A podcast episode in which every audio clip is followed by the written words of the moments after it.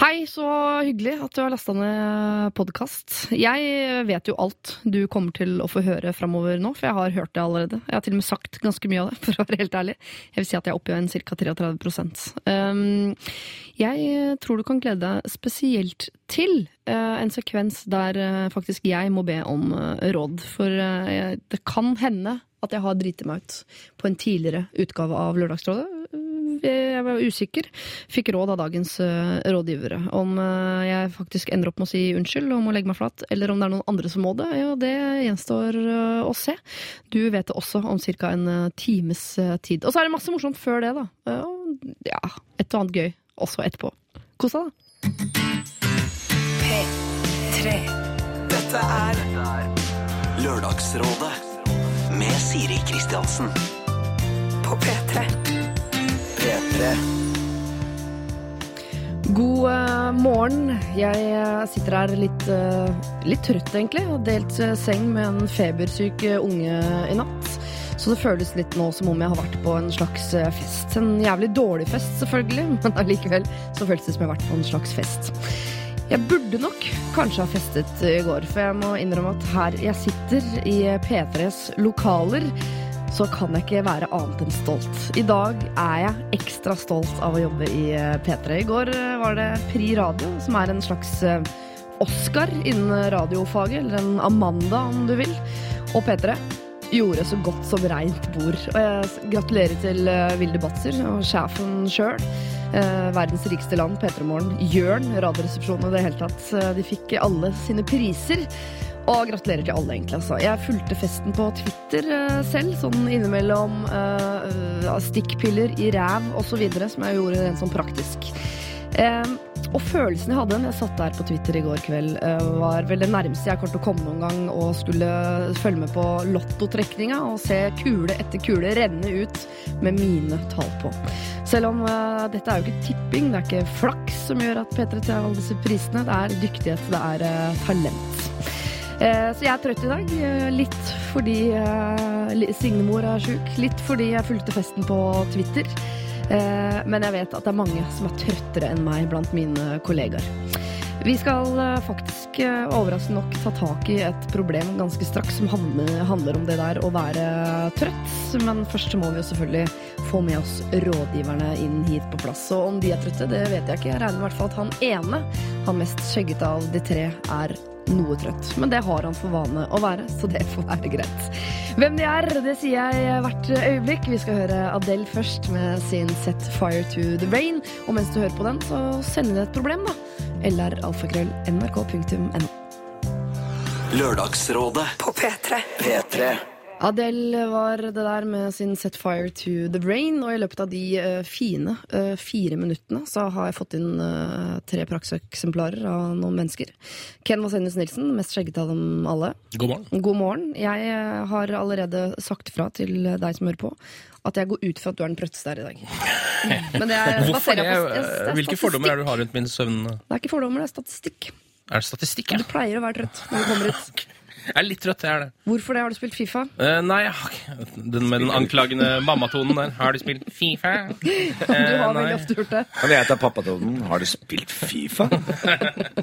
jeg har ikke spilt Fifa, mamma og pappa. Jeg har bare uh, Jeg la meg ganske tidlig i går. Jeg la meg halv ett, så jeg burde ikke være så trøtt. Jeg bare er det. Det er noe fysiologisk der. Jeg får ikke gjort noe med det. Nei, nei for du er smal i øynene, men jeg syns du kler det litt asiatiske preget som er over fjeset ditt i dag. Nok om det. Eh, Anette Trettebergstuen, velkommen eh, tilbake som rådgiver. Tusen takk. Lenge siden sist. Ja, to år. Ja. Det er på tide. Har det skjedd noe på disse to årene? Ikke så mye. Nei. Nei. Alt er som det var sist. ja. Vi har tatt et valg, da. Men uh, ja. ja. ja det har skjedd veldig mye gøy. Uh, mye mer livserfaring som jeg kan dele med lytteren i dag. har du gjort noe galt i løpet av disse to årene? Ja, masse. Oi. Oi. Og Thomas, uh, fingeren, hva, hva skal vi si? Thomas eller fingeren eller jeg begge? Jeg, jeg, lurer på om jeg skal bli voksen og hete Thomas, eller om jeg skal fortsette å være fingeren. For ja, for du er jo gift siden sist. Ja, det stemmer. Men Sier eh, kona di, Jenny, sier hun fingeren? Hva tror du, Siri Kristiansen? Ja, for Forrige gang så tror jeg du svarte ja på det, men jeg lurer på om det er annerledes nå som dere er gift. Men Det var da hun drev og ble kasta av en dverg på Manshow og sånn for mange mange, mange år siden. Da ja. var vi veldig annerledes, har vi funnet ut. Vi så på YouTube vi YouTuba hverandre i går, og så Ja. på gamle klipp av oss selv. Hva vi gjorde eh, i 2007, for eksempel. Ble dere stolte eller flaue? Jeg er flaue. Og stolte, fordi vi var mye mer lekne enn eh, i dag. I dag så sitter vi st- stille strikker i en gyngestol. Det er faktisk, det er jo irriterende nærme sannheten også. Ja, det er faktisk. det, er det. Men jeg tenkte ironi med en gang, og så kom jeg på at det er ikke ironi. Nei, det er ikke det. Jeg er ikke sikker på om du burde gå offisielt ut og, og gå bort fra fingeren kan navnet. Nei. eh, nå i hvert fall. Det kan bli litt sånn Prince som da han skulle hete The Symbol. At det Ja. føles litt som at du tvinger det litt på folk. The artist formerly known as fingeren. Ja, Må ha, må ha et alternativ, da. Et Ja. alternativ. Kanskje vi kan komme på et i løpet av dagen. Men er ikke Thomas et greit alternativ? Ja, Thomas er jo det det vanligste, det greieste alternativet i 1980, sammen med Christian. Ja. Eh, eller fra 1980. Så, men eh, hva med Tommy? Jeg er kanskje ikke noe Tommy. Det er veldig rappaktig. Ja, ja, det er det. Ja. Tommy, er ikke så DJ Tommy G. -ete. Nei. Nei, Nei vi spørre lytterne? Vi kan få lytterne til å bestemme, faktisk. Gi Ja. barnet et nytt navn. Eller ja. voksne, da. Men hva gjør jeg, det lurer jeg på egentlig. Ikke så mye med deg, Ken, faktisk, fordi vi jobber sammen. Men både med Anette og Thomas. Jeg sliter med å liksom se for meg hva dere driver med sånn på en tirsdag. ja. Hva, hva gjør du? Hva skal du på tirsdag, for eksempel? Sånn fra ni til Tirsdag skal jeg, jeg kan sjekke eh, fra ni til fire. Jeg Ja. driver, så driver jeg selskapet mitt som heter Livecube. Hva driver de med, liksom? Ja, Vi driver med, lager musikkonsepter for merkevarer og sånn i, i, Si meg hele ingenting. Norden. Nei, vi, Musikkonseptet vi for har en merkevarer. streamingtjeneste som Ja. går for eksempel til alle 7-Elevenene i hele Norge. Å ja. Så eh, har vi eh, definert hvilken musikk som spilles. Kult. Og på alle quality-hotellene i, i Norden. Skal jeg reklamere mer? Nei, nei, jeg bare, jeg, når du kommer på jobb, så sitter du og hører på musikk tenker dette er noe for quality. Nei, mer Ja. 7-Eleven, eller? Og så Ja, det er litt du det. og eh, vi, eh, vi tømmer eh, hele internett for bra musikk. Ja. Og sender det ut til uh, riktig musikk liksom, til de forskjellige brandsa. Så i lobbyen på Quality for eksempel, så har vi én type musikk. Og så har de noe annet eh, på treningsrommet eller i restauranten. For eksempel. Har du noen gang ringt fra Colton og sagt sånn Nå må dere rulle inn! Ja, ja. Det der Kisha-greiene som dere har sendt oss nå, det funker ikke. Er det Kesha eller Kiza? Jeg må ikke spørre meg om alt god på Er det. hun med sånn stemme? Er det dere som har bestemt musikken på Hotell eh, Ekspress, eh, som eh, Petter Stordalen i rockehotellet hans? i Comfort, Comfort Hotel Express. Det stemmer. Jeg kan Er det. Ja. for Der spiller de altså Seven Nation Army i lobbyen, og det er altså rockete som du får det. Ja, det er veldig indie-rockete egentlig der, da. Mm, mm, ja. Eh, enda mer indie liksom, enn Seven Nation Army. Og. Men det er jo så det er så indie at det nesten ikke spilles noe musikk til. Ja, ikke sant? Det er eh, imponerende, det er imponerende innsats. Vi har gått for stillhet, vi hos dere. Vær så god. Fakturerer 300 000 for det. Skal jeg fortelle mer om hva jeg gjør? Eh, nei, nå, for nå er jeg mer nysgjerrig på Anette. Ja, ok. ikke det noe Jeg lager TV også, men ja. jeg kan ikke Jo, tenke men- å snakke om Jo, er det ny Men nå, sesong han, gjør så mye med spennende, han gjør så mye spennende at nå må han slutte å snakke. Jeg er Ellers så blir det nysgjerrig, litt sånn jeg er flaut for oss nysgjerrig på. Anette Trettebergstuen. Mm, Jeg, vet, Tusen takk, fingeren. jeg har googla deg. Skal du høre. Ja. En vanlig tirsdag. Ja. Mm, Det er jo som en helt vanlig dag i House of Cards. Ja, den Eh, serien litt- ser jeg ikke. Litt, nei, men eh, alle andre gjør det, Siri. Ja. Eh, litt mindre drap og, og drugs. Eh, nei da. Eh, det er ingen dag som er lik, og det er derfor det er så utrolig spennende å være politiker. Eh, men nå på tirsdag så skal Arbeiderpartiet ha det som vi kaller for et landsstyremøte. Ja. Ja, ja, ja. Der Går det noen- alle, fylkene samles, og så lager vi ny politikk. eh, sånn Lager skal- ny politikk? Helt Lager ny politikk. Helt ny Har politikk dere som nye har meninger plutselig? Absolutt. Hele tida. Ja, så det er ikke barnehageplasser og skole og eh, Kan være det ja. helse og sånn lenger? helt nye ting. Okay. Jeg tror jeg har tenkt for mye at politikere velger mellom gammel politikk og ikke kan velge, lage helt ny. Jeg tror, da kanskje jeg hadde blitt politiker politiker Nei, ikke sant? Nå skal vi ha landsmøte til våren, og da har vi masse sånne grupper som skal lage ny politikk. Så bare vent. Det kommer til å komme Kjører mye spennende ting. World Café og sånn, sånn som man gjør i, i event- og reklamebransjen og sånn, når dere skal komme fram til nye politiske Eh, ja, budskap? ja, men vi kaller det for rådslag. Vi burde kanskje kalle det noe annet. Veldig god idé. Jeg, jeg noterer det. Skriv ned World Ja, Café. Men, men går dere i- sammen i sånne grupper, kollokviegrupper, på en måte, og finner ut av hva som Nei, Vi reiser veldig mye rundt da, Ja. og oppsøker spennende miljøer, snakker med folk. Ja. Det er det som er jobben vår. Ungdomsskole, mener du? Nå på tirsdag så var jeg i Lofoten. Ja. På torsdag var jeg i Trondheim. Ja. Nå til uka. Ja. Men jeg har, et, jeg har et tips. Hvis jeg skulle starta et politisk parti, da, så har jeg bare sagt eh, vi er for å stryke all studielån.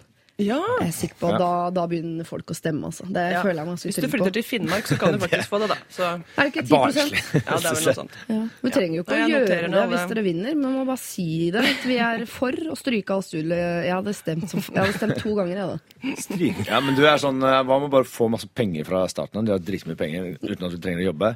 Ja. Er Ja, det høres er ikke så veldig- voksent, uh, Siri. Ja, men det er det jo noen partier som nesten sier allerede.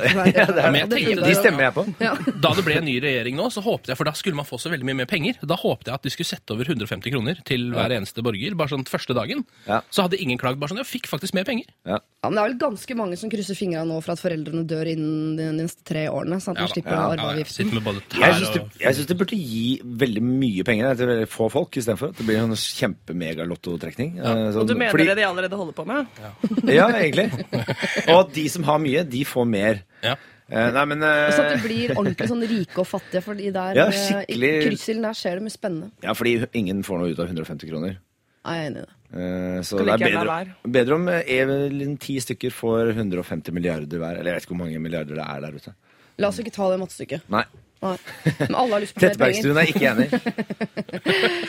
Ken, hva gjør du på en tid? Jeg ser du sitter bak en PC hver eneste dag når jeg går forbi. Ja. Hva knatrer du på om? Uh, jeg sitter og sk skriver på litt uh, televisjonsmanus osv. Og, så Ja. uh, og så hender det at jeg er på innspilling også, som er ganske spennende. Uh, men noe mer spennende det blir det ikke i min hverdag. Det er omtrent det det blir. Vi må, selv om jeg, vi har jo skravla ganske lenge, så må Mm. vi ta en kjapp runde på sivil status. Vi har jo nevnt allerede at du, fingeren, er gift siden sist. Er det noe annet? Noe annet? Nei, jeg har ikke noe grums eh, på sida. Gift, bor i leilighet, Eh, bor i leilighet, ja. I, I, eh, på Fredensborg i Oslo. nedbetalt. Eh, nei, den er pussa opp langt over evne. Ja. Husdyr. Eh, nei, ingen frivillige. Nei. Barn på vei. Eh, barn på vei? Eh, vet ikke. Nei. Tror ikke det. Nei, det er greit å spørre. Håper, håper det snart. Ja, gjør du det, eller? Selvfølgelig. Alle vil ha barn. Hallo. Nei, ikke alle Nei, ikke alle vil ha barn. Ikke de i House of Cards. Nei. Nei. Anette, noe sivil status hos deg? Um, hva skal vi si? It's complicated. Å nei, er det trist? Nei, det går fint. Det går fint. Ja. Eh, ingen barn. Nei. Eh, ikke husdyr, men jeg har en kompis bonde som akkurat nå, Ja. som er så nære man kan komme et husdyr. Ja. Odd Steinar, jeg håper du hører på. Hei, Steinar. Odd Steinar? Odd Steinar. Odd Steinar. Ja. Han er så koselig da. Ja, han er et kos koselig husdyr. Ja, er han hårete? Røyter han og sånn? Nei, han har faktisk ikke hår i det hele tatt. Er han stuerein? Liksom, tisser han på do? Jeg liker at du Ja, ga et lite stjålet blikk bort på meg idet du sa han er ikke hårete i det hele tatt. Eh, Så det Ja, men du er veldig husdyraktig. Jeg er ganske husdyraktig. Jeg røyter ganske mye òg, faktisk. Gjør du det? Spesielt fra huet. Ja, Jeg gjør det. Det er trist. Ja, det er trist. Rauter du òg? Eh, nei, det gjør jeg heldigvis ikke. Jeg har klart å venne meg med det. Jeg syns det var så morsomt å blande raute og røyte da jeg var liten. Sånn er kom Thomas morsomt, seg gjennom barneskolen. eh, men eh, hvem? Ken? Ja, sivilstatus eh, Q, holdt jeg på å si. Eh, KAO. Eh, samme som før. Noe greier. Eh, burde kanskje funnet mer ut av det før jeg kom hit nå, kjenner jeg. Angrer litt på at Fortell, jeg tok det opp første gang jeg var her også. Fordi nå er det jo blitt en slags føljetong som jeg må ta opp hver gang. Ja, ja, vi det heier jo på at eh, du Ja. en dag skal komme seirende inn her med hendene og si nå er det Eh, Jeg har øh, begynt å holde på med noen greier øh, før sommeren, og det nevnte jeg her. Ja. Um, og nå, Noen greier. Er det en dame? Er det en mann? Er det flere Å, ja, damer? Flere nei, menn? Nei, ikke, Husdyr. er, det er flere damer og menn. Nei, det er én stykk dame, da. Um, en stygg? En stykk. Oh, ja. Ja. Ikke stygg, Siri. Um, Dette, så nå- dette synes jeg er veldig stakkato, den for, forklaringen din. Ja, Kan du begynne på nytt? Begynne på nytt. Nei, jeg gidder ikke å begynne på nytt. Nei, okay. Eh, Jeg gidder ikke å begynne på nytt. Ok, Men det er i hvert fall ikke noe vi kan meisle i stein ennå der, da. Nei, det Nei. er det ikke. Okay. Uh, vi eh, følger deg jo videre da gjennom du. ukene og månedene som kommer, med stor spenning, selvfølgelig. Men nå skal det dreie seg om andre. Vi skal ta morgenens første problem hvert øyeblikk. Men innen den tid så skal vi høre Stay High, den låta som jo Tove Lo eh, har, sammen med Hippie Sabotage. P3 Dette er Lørdagsrådet på P3. P3 Tove Lo sammen med Hippie Sabotage. Det der var eh, Stay High. Og vi beveger oss over i eh, Lørdagsrådets første problem i dag. Eh, rådgivere er Ken Vasenius Nilsen, Thomas Fingeren Gulestad og Anette Trettebergstuen. Jeg har valgt ut et problem som jeg anser som ganske enkelt, fordi jeg, jeg bare antok at dere kom til å være trøtte i dag. Så jeg har vært litt grei med dere. Eh, Jeg leser. Vi er to venninner som bor sammen. Nå har det dukket opp et problem. Den ene, la oss kalle henne Smoothie-jenta, er inne i en smoothie-periode. Hun lager smoothie hver morgen. Den andre jenta, la oss kalle henne Snorkefrøken, liker å sove til sånn 9-10 på morgenen. Smoothie-jenta er oppe klokka seks hver morgen og starter smoothie-maskinen sin, som ikke akkurat er stillegående. Dette faller ikke helt i smak hos Snorkefrøken, som ligger og sover i rommet ved siden av. Vi har diskutert dette litt, og Snorkefrøken foreslo å lage smoothie kvelden i forveien, men smoothiejenta har eh, prøvd dette og syns ikke det smaker like godt. Rådet. Skal smoothiejenta lage smoothie kvelden før, eller få lage smoothie på morgenen på bekostning av Snorkefrøkens søvnkvalitet? Eller er det andre forslag, da vi åpenbart ikke kommer fram til noe? Vennligst hilsen to, som ikke er så glad i å krangle. Hva med å lage smoothie et stille sted, f.eks. i boden? Er det et alternativ? Man må få et eget smoothie-rom. Smoothie-rom, ja. Som er en godt isolert. Et rom. Et stue- smoothie-studio. Smooth, eller smoothio. Eller smooth, smooth, smooth, jo. Smooth, smooth, smoothio. Ja, Kan man heller lydisolere snorkerommet da, med noe eggekartong eller noe? Ja, men hvis hun snorker, så er jo det også veldig irriterende. Ja. Eh, men, eller er det bare det at hun sover? Ja, Hun kaller seg Snorkefrøken, og det kan godt hende at det bare er eh, sånn artig ord. altså Det er ikke sikkert hun snorker. Ikke sikkert det er så mye snorking. da. Jeg tenker ofte å gå løs Eller jeg tenker å kanskje gå løs på det sånn som jeg ofte går løs på problemløsning. At det er sånn finne ut hvem som er den rare. Å, ja. Eh, og den rare er, tenker jeg kanskje i dette tilfellet er den som står opp klokka seks og lager smoothie. Ja. Fordi den andre er ikke, sover ikke så lenge heller. Det er bare til ni. Det er liksom vanlig tidspunkt å stå opp på, føler jeg. Stå opp ni-ti hver dag, det mener jeg. Det er Ja, litt, ni, ti det er er bare litt, ja, da bikker det litt over mot det blir litt ja, seint. det må ikke bli helt Ken Vasenius. Men eh, Nei, det må du passe deg passe Men klokka, klokka seks for å lage smoothie, hvis du ikke skal på jobb klokka sju, så er det litt spesielt. Ja. Ja, seks er tidlig. Ja, seks er tidlig. altså. Ja, det er for tidlig. Det er sånn samme som uh, hva heter det, bygging. Altså, Du kan ikke begynne så forferdelig tidlig. Hva med annenhver dag, da? En annenhver dag-løsning. Smoothie annenhver dag klokka seks. Ja, Soving og dag. En slags smoothie-turnus, ja det kan Smoothie turnus, ja. Mm. Ellers så blir det å rett og slett uh, lage et smoothie. Ja.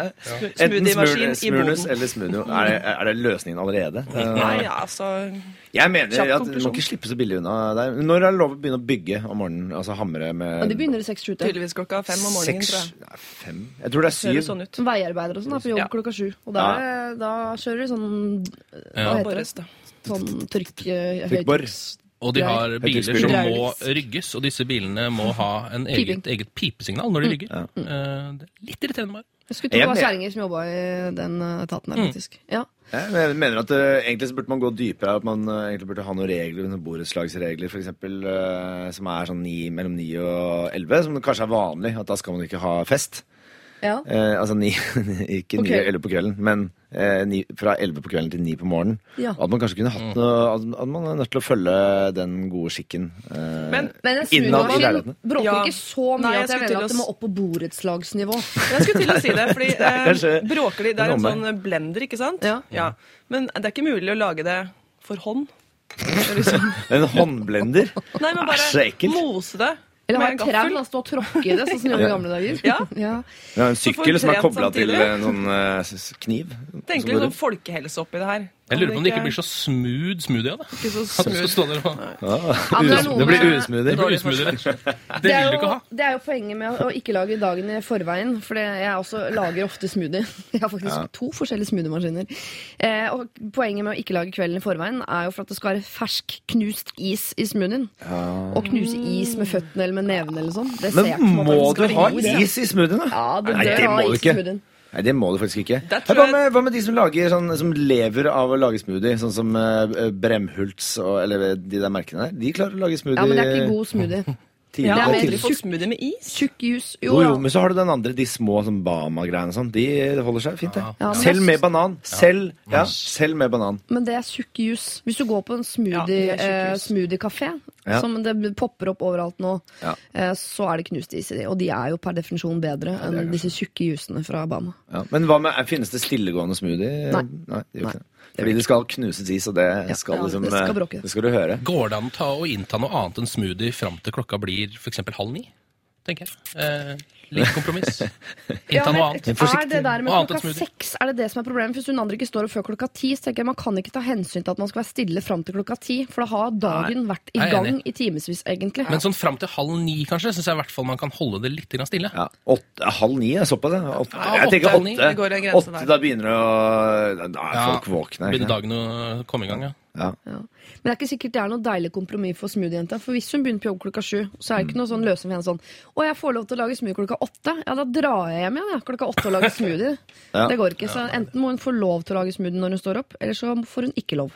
Eller da, blir, da må det bli en rettferdig løsning eh, der begge får viljen sin annenhver gang. Smoothie tidlig om morgenen annenhver dag, Annenhver dag. annenhver dag. Eller så må det være et uh, smoothie. Et smoothie. Ja. Jeg jeg er for smoothie. Jeg syns det er stilig å ha liksom et eget sånn der, eh, sånn smoothie-oase. Men hvis vi gjør man litt har- ut av det, vet du. Ja, det kan det. Hvis man har råd til Eller bor man da sammen med venninnen sin?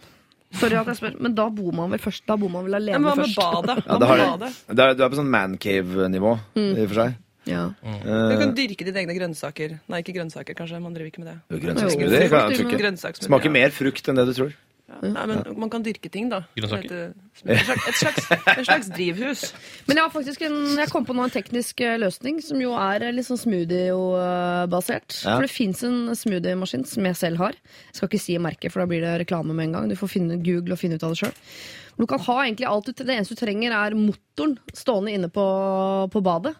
Så at det er på badet det bråker. Eh, mens du kan lage selve smoothien på kjøkkenet, og så bare setter du den i motoren inne på badet samtidig som du pusser tenna og tisser og dusjer og alle de tingene der. Kan jeg gjette hvilken det er? Mm. Er det Nutribullet? Hvor er det fra? TV- TV-shop. Jeg har kjøpt det. Nei, jeg har ikke kjøpt det på TV-Shop. Hele slekta har kjøpt det. grensen. Det er helt sjukt. Det funker dritbra. Ja. Ja, vi får snakke litt om det under neste låt. Om det er den samme. Det, for det kan godt Ja. hende. Den er ikke stillegående. Nei, nei, men du er enig at motoren kan stå i et annet rom, ikke sant? Ja, det er, ja, det er en kolbe på toppen, og så presser du den ned, og da går den rundt. Ja. Geniale greier. Genial greier. Snakkes om det, da. Så er det Smoothie-jenta. Send meg gjerne en privat mail Siri Kristiansen, eh, nrk.no, så skal du få merke på denne uh, smoothie-maskinen der motoren kan stå på badet. Eller så kjører dere en annenhver dag-løsning. Det er det eneste jeg kan høre her, at det er en, eh, en rettferdig fordeling. Vi kan ikke flytte på klokkeslett, vi kan ikke fucke opp liksom, døgnrytmen til noen av dere. Men dere kan kjøre en annenhver dag-løsning. Uh, lykke til, da. Og du, snorkefrøken. Ti. Det er litt seint, altså. Kom igjen, da.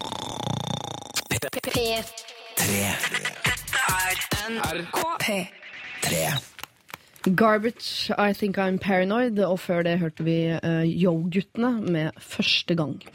Eh, jeg ga dere et litt lett eh, problem sånn innledningsvis. Det er jo Ja, altså, det sto ikke om verden, på en måte. Det handlet om uh, en smoothiemaskin i stor grad. Ja. Vi skal over på noe litt tyngre nå. Klokken er jo snart uh, ti, eller i hvert fall kvart på, så jeg syns vi skal uh, ta tak i noe sånn tyngre problematikk. Anette Trettebergstuen, du er rådgiver.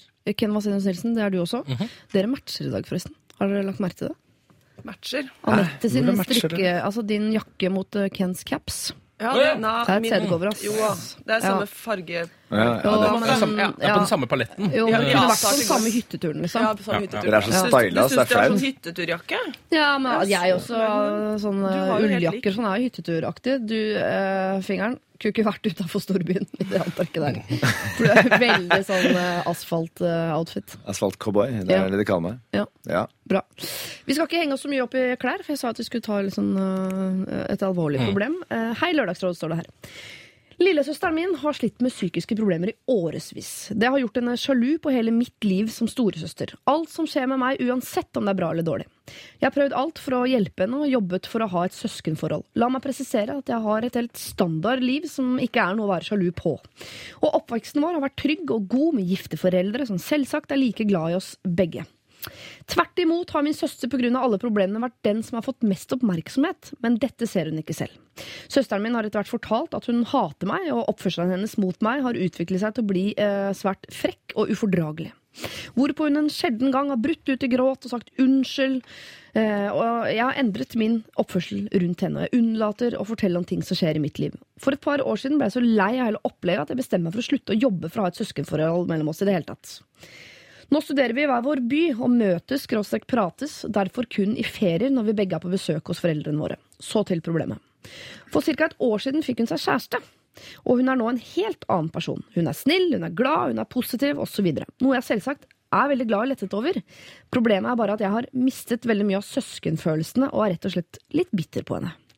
Jeg har klart å la disse følelsene ligge helt til jeg fikk treffe henne sammen med kjæresten. Hun og typen nærmest sitter oppå hverandre og kliner rett foran meg og foreldrene våre, helt ubrydd. Selv kunne jeg aldri gjort eh, det de gjør i nærheten av andre folk, og det er ikke bare jeg som blir pinlig eh, berørt. Hele familien snakker om det. Men ingen sier noe. Alle unnskylder henne og er bare lykkelige for at det endelig er noe positivt i hennes liv. De som par har kontaktet meg og samboeren min mange ganger den siste tiden, og hun oppfører seg som om vi alltid har hatt et kjempegodt forhold. Og nå brenner mange følelser inni meg. Jeg har jo egentlig lyst til å ha et godt søskenforhold, men så har hun Men så nå, når hun nå endelig tar kontakt, så viker jeg unna. Hva tenker dere om det? Skal jeg fortsette å vike unna og grue meg til alle familieselskaper, eller skal jeg si noe til henne?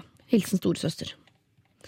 Og her fikk vi, det er jo en oppvekstroman nærmest, det fikk her i korte versjon, men uh, nå er altså storesøster litt bitter på lillesøster og klarer ikke på en måte å ta imot den uh, velkomsten til å endelig skulle ha dette søskenforholdet uh, imot. Skal hun det, eller? Oi, oi, oi. Hva skjedde med de smoothie-problemene, tenker dere? Ja. Ja. Her er det ingen turnus. å Smur, smur. Smoothie. Wow. Smoothie, eller? Er det noen som har et vanskelig forhold til søsknene sine? Eller som har verdens beste forhold til søsknene sine? Det er veldig godt, heldigvis. Jeg har ikke søsken, så det er litt udefinert. Men hvordan, men hvordan er forholdet til dem? Nei, det er meget godt. Det er meget godt. Ja. Okay. Uh, jeg har uh, Jeg tror jeg kanskje jeg vinner på søs antall søsken her. Ja. Vil jeg tro.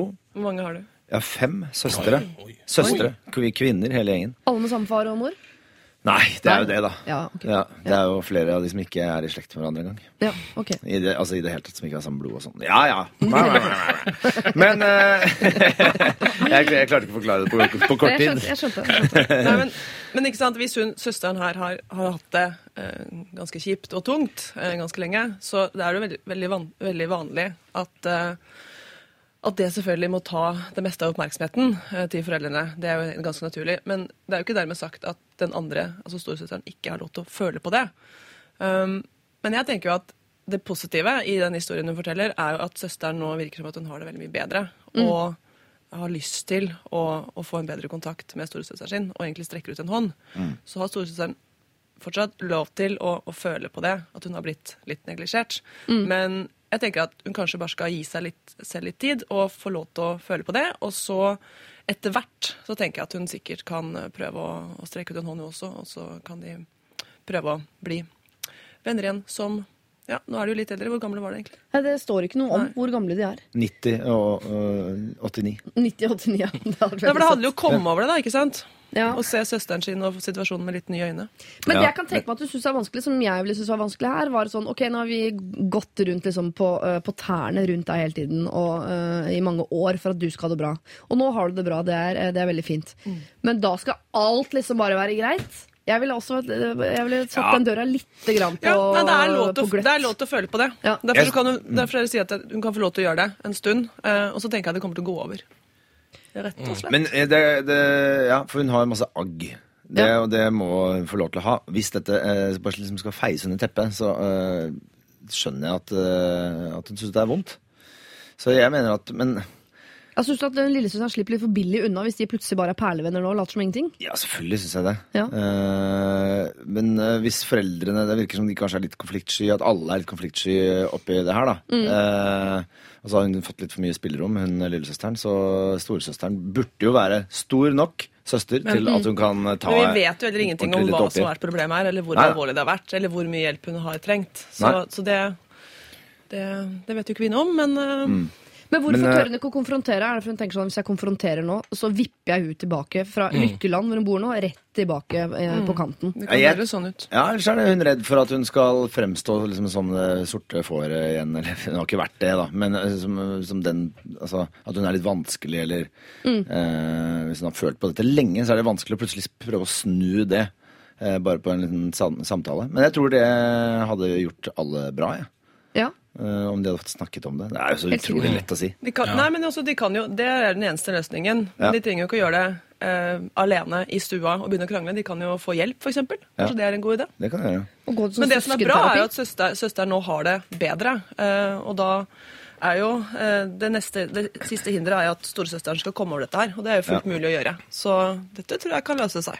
Burde De må få hjelp. burde ikke søskenparet eh, alene bare ta seg, knekke en flaske vin og sette seg ned og tvinge hverandre til å bare være sammen, de to? En hel Ja. kveld? Det høres Dra på en hyttetur, det for eksempel. Hyttetur, ja. ja. Det som er litt vrient her, er at det høres ut som at det rette svaret egentlig er sånn de må snakke sammen. Men samtidig så er det ikke sikkert Eller så føler jeg liksom at hvis, eh, hvis nå midt oppi alle lykkesusen eh, det kommer et litt sånn skår inn der, så tror jeg ikke det er så bra, det heller. Eh, kanskje Jeg tror man må vente litt grann med å ta det opp. Skjønner du hva jeg mener? Men har ikke lykkerusen Ja. vært et år? Oh, ja, ok. Det er kanskje lang rus. Ja, men jeg, kan, jeg kan skjønne at å, ja, så nå er du glad, så da skal alle bare bli med på det. Eh, Det, det kan jeg skjønne at eh, en får litt sånn motstand inni kroppen hennes. Ja, ja. Men jeg er enig med at kanskje de rett og slett skal, eh, om ikke dra på hyttetur, i hvert fall tilbringe litt tid sammen. De trenger ikke å åpne dette søskenforholdet med en sånn stor krangel. Nei. De kan jo først eh, gjøre noen hyggelige ting, og så når tiden er inne, så kan de ta en sånn Men du, Ja. mm. hvordan går det egentlig bra? og Hvorfor går det bra? Altså Ta den der alvorlige praten. Trenger ikke å ta den liksom på eh, første date, holdt jeg på å si, mellom disse to Nei. søsknene. Den fjerde. Den, ja, Fjerde eller når det er naturlig. Om det er midt i den flaska du foreslår, Thomas. Eller, Eller eh, rett og slett en tur i skogen. eller-. Er en tur i skogen. Man må ikke drikke for Nei, å løse ting. Nei. Nei, det er helt greit. Jeg syns det høres ut som her, kjære storesøster, at du har nok sikkert gått litt sånn på tærne rundt lillesøsteren i mange mange år. eh, Og jeg skjønner at du er bitter, at det er litt vanskelig å åpne døra helt. Men hvis du kan finne det eh, i deg, og bare gå litt rundt henne på tærne en liten stund til. Ikke start dette potensielt nye forholdet mellom dere med å ta en sånn stor eh, konfrontasjon. Eh, ta og Smør det litt først. Det høres grusomt ut å si, men vær litt sånn eh, Bare vær vanlige venner først. Og kanskje du må fake litt. Ja vel, så gjør du det, da. Og så tar du den konfrontasjonen når det føles eh, naturlig. Ikke ta den i inngangsdøra til et potensielt bra forhold mellom dere to. Det tror jeg eh, ødelegger mer enn hva er eh, nødvendig. Eh, lykke til. Eh, Send meg en mail og fortell meg hvordan det går. Send gjerne noe fotos fra denne hytta. Jeg ser for meg sånn rett under tregrensa et sted mm. på Østlandet. Eh, god tur. Eh, Kan få låne min. kan få låne Jeg har blitt hytta engasjert i det her. Mm -hmm. Og heter den Trettebergstuen, eller? Nei, den gjør ikke det, men det er Hei, hei, hei. Haugenstua. God tur, i hvert fall. Jeg regner med at vi høres igjen. Dette er Lørdagsrådet. På P3. P3. Robin sammen med Røyksopp, det er alltid en god idé. Monument het låta du hørte her. Eh, jeg regner med at du som hører på Lørdagsrådet, eh, har hørt på Lørdagsrådet før. Kanskje koketterende si av meg, men eh, hvis ikke, velkommen om bord. Eh, jeg vet ikke til dere andre om dere fikk med dere den eh, episoden, om du vil, hvor eh, Silje Nordnes var her sammen med Terje Sporsem og Gunnar Greve. Eh, det var tre nydelige timer, og midt inni der et eller annet sted så tok vi tak i et problem som handlet om elendig planlegging. Altså Det var en jente som var så drittlei av at familien hennes aldri klarte å planlegge noe som helst. Moren hennes kunne si sånn Å ja, jeg ringer for å si bare at det er 80-årsdag i morgen. Begynner sånn tretida, og så kommer han klokka tre, så begynner han egentlig ikke før fem, og det er ingen andre som har kommet eller fått beskjed, og ingen har med mat. Altså Det er helt sånn, var helt høl i hatten planlegging. Begynte å bli relativt drittlei av det, i hvert fall spesielt etter uh, forrige gang. Han hadde stått over en time oppe på frysehjel utafor et selskapslokale og venta på at festen skulle starte. Som skulle startet klokken tre, føler hennes mor, men starter jo da klokken fire. Men de fleste kom ca. klokken fem. Uh, dette skjønner jeg er irriterende. Karoline Femmers år var i hvert fall jæskla frustrert og sendte dette inn til oss. Eh, du skal få høre noen av de rådene som eh, Sporsem, Greve og Nordnes eh, kom med. Råd nummer én skal du i bursdag, ikke dirk opp låsen dit du skal på bursdag. Nei, for da er du tydeligvis ikke velkommen. Eller sånn. Og det er stor fare for at du aldri blir invitert tilbake. Men det er vanskelig å forandre folk, tenker jeg da. Så hvis eh, denne jenta her eh, har lyst til at ting skal være planlagt, så tror jeg hun må gjøre det sjøl. Eh, men jeg tenker at Karoline 25 at hun, ja, hun må nok planlegge og øh, lage en del sånn arrangementer, men kanskje hun skal gjøre det sånn at når da folk ikke oppfatter beskjeden eller kommer for seint, så får det noen fatale konsekvenser. Du, Å dirke seg inn, det vil jeg oppleve eller karakteriserer som litt traumatisk. Det er litt sånn eh, Torbjørn Røe Isaksen-stil. Sånn, da, da låser man døra, du får ikke lov å komme inn. Ja. Men det høres litt sånn kulturkrasj ut, dette her, for hun har sagt fra til moren sånn. Det høres ut som liksom, tyskere som har reist på ferie til Fiji, og alle er sånn Fiji time, yes! Båten kommer en eller annen gang i morgen, vi veit ikke, og alle tyskerne klikker fordi de er vant til å forholde seg til klokke og, og ting som er firkanta. Og det virker for meg som kanskje bursdagene er liksom ikke problemet, de er symptomer på problemet. Ja. Og at kanskje det er forskjellen eh, mellom eh, mor og datter som, som stikker litt dypere enn bare disse bursdagene. Det er helt riktig. Det tror jeg òg. Dette er Lørdagsrådet På P3. P3. Det høres ut som vi ble enige til øh, slutt, og Karoline hun skriver øh, til oss øh, følgende. Tusen takk for at du tok opp problemet mitt. Er så glad for at det endelig er noen som forstår meg. Jeg har hørt podkasten utallige ganger og har spilt den av for min bror. Han syntes det var hysterisk morsomt og håpet at jeg skulle ta rådet om å la henne vente ute i ekstrem kulde eller varme. Selv om det var fristende, klarte jeg bare ikke å gjøre det mot henne, selv om hun har gjort verre mot meg. Jeg valgte istedenfor å spille av podkasten for henne, og det tror jeg virket. Hun syntes det var morsomt i begynnelsen, og litt flaut på slutten. Det er perfekt. Dere hadde rett i at det er mange underliggende problemer mellom oss, men jeg tar én kamp om gangen. Dere hører fra meg neste gang. Du, det gleder vi oss eh, til. Det har jeg faktisk ikke hørt noen gjøre før. At de sender inn problem, får oss til å snakke om det, og så spiller de det av for den personen problemet gjelder. Det er jo jævlig effektivt. Eh, Det krever litt eh, baller. Karoline har dem. Eh, Jeg anbefaler flere å gro dem. Eh, Karine, vi høres igjen. Si fra eh, når det dukker opp eh, flere problemer du må ta tak i mellom deg og mora di. NRK P3. Dere hørte Sam Smith med 'Stay With Me' og litt uh, fingeren på koring på slutten der. Det Ja. dere ikke hørte, var at Ken også sang en strofe fra låta underveis. Mm. Hvilken strofe? var det? Du trenger ikke å synge den nå, for det er sånn Nei, han starter jo hele, Han gir jo, gir jo av seg selv og tekstuniverset sitt tidlig her, og sier 'Hvorfor er jeg så emosjonell'? Eh, why, why am I so emotional? Du sang det, husker du det? Med- Ganske, med, I falsett. Nei, husker jeg ikke. Det husker jeg ikke lenger. ikke gjør det. da. Dette er sånn type som folk som jobber på TV ber om. For å få folk ut på Ja, glatt. kom igjen. og sånne Nei, nei. Det var magisk da du gjorde det i stad. Gjør det igjen, så blir det bare kleint. Ja, nei, jeg kan ikke gjøre det Kom nå. igjen, syng litt. Men by på deg sjøl, kom igjen nå. Vern om din egen integritet, sier jeg bare. Ja, du vil helst ikke høre meg synge, Siri. Det vet jeg. Sånn, En, mm, jo da, men jeg eh, Nei da. Jo da, men nei da. Vær ærlig, vær ærlig. Ja, ja da.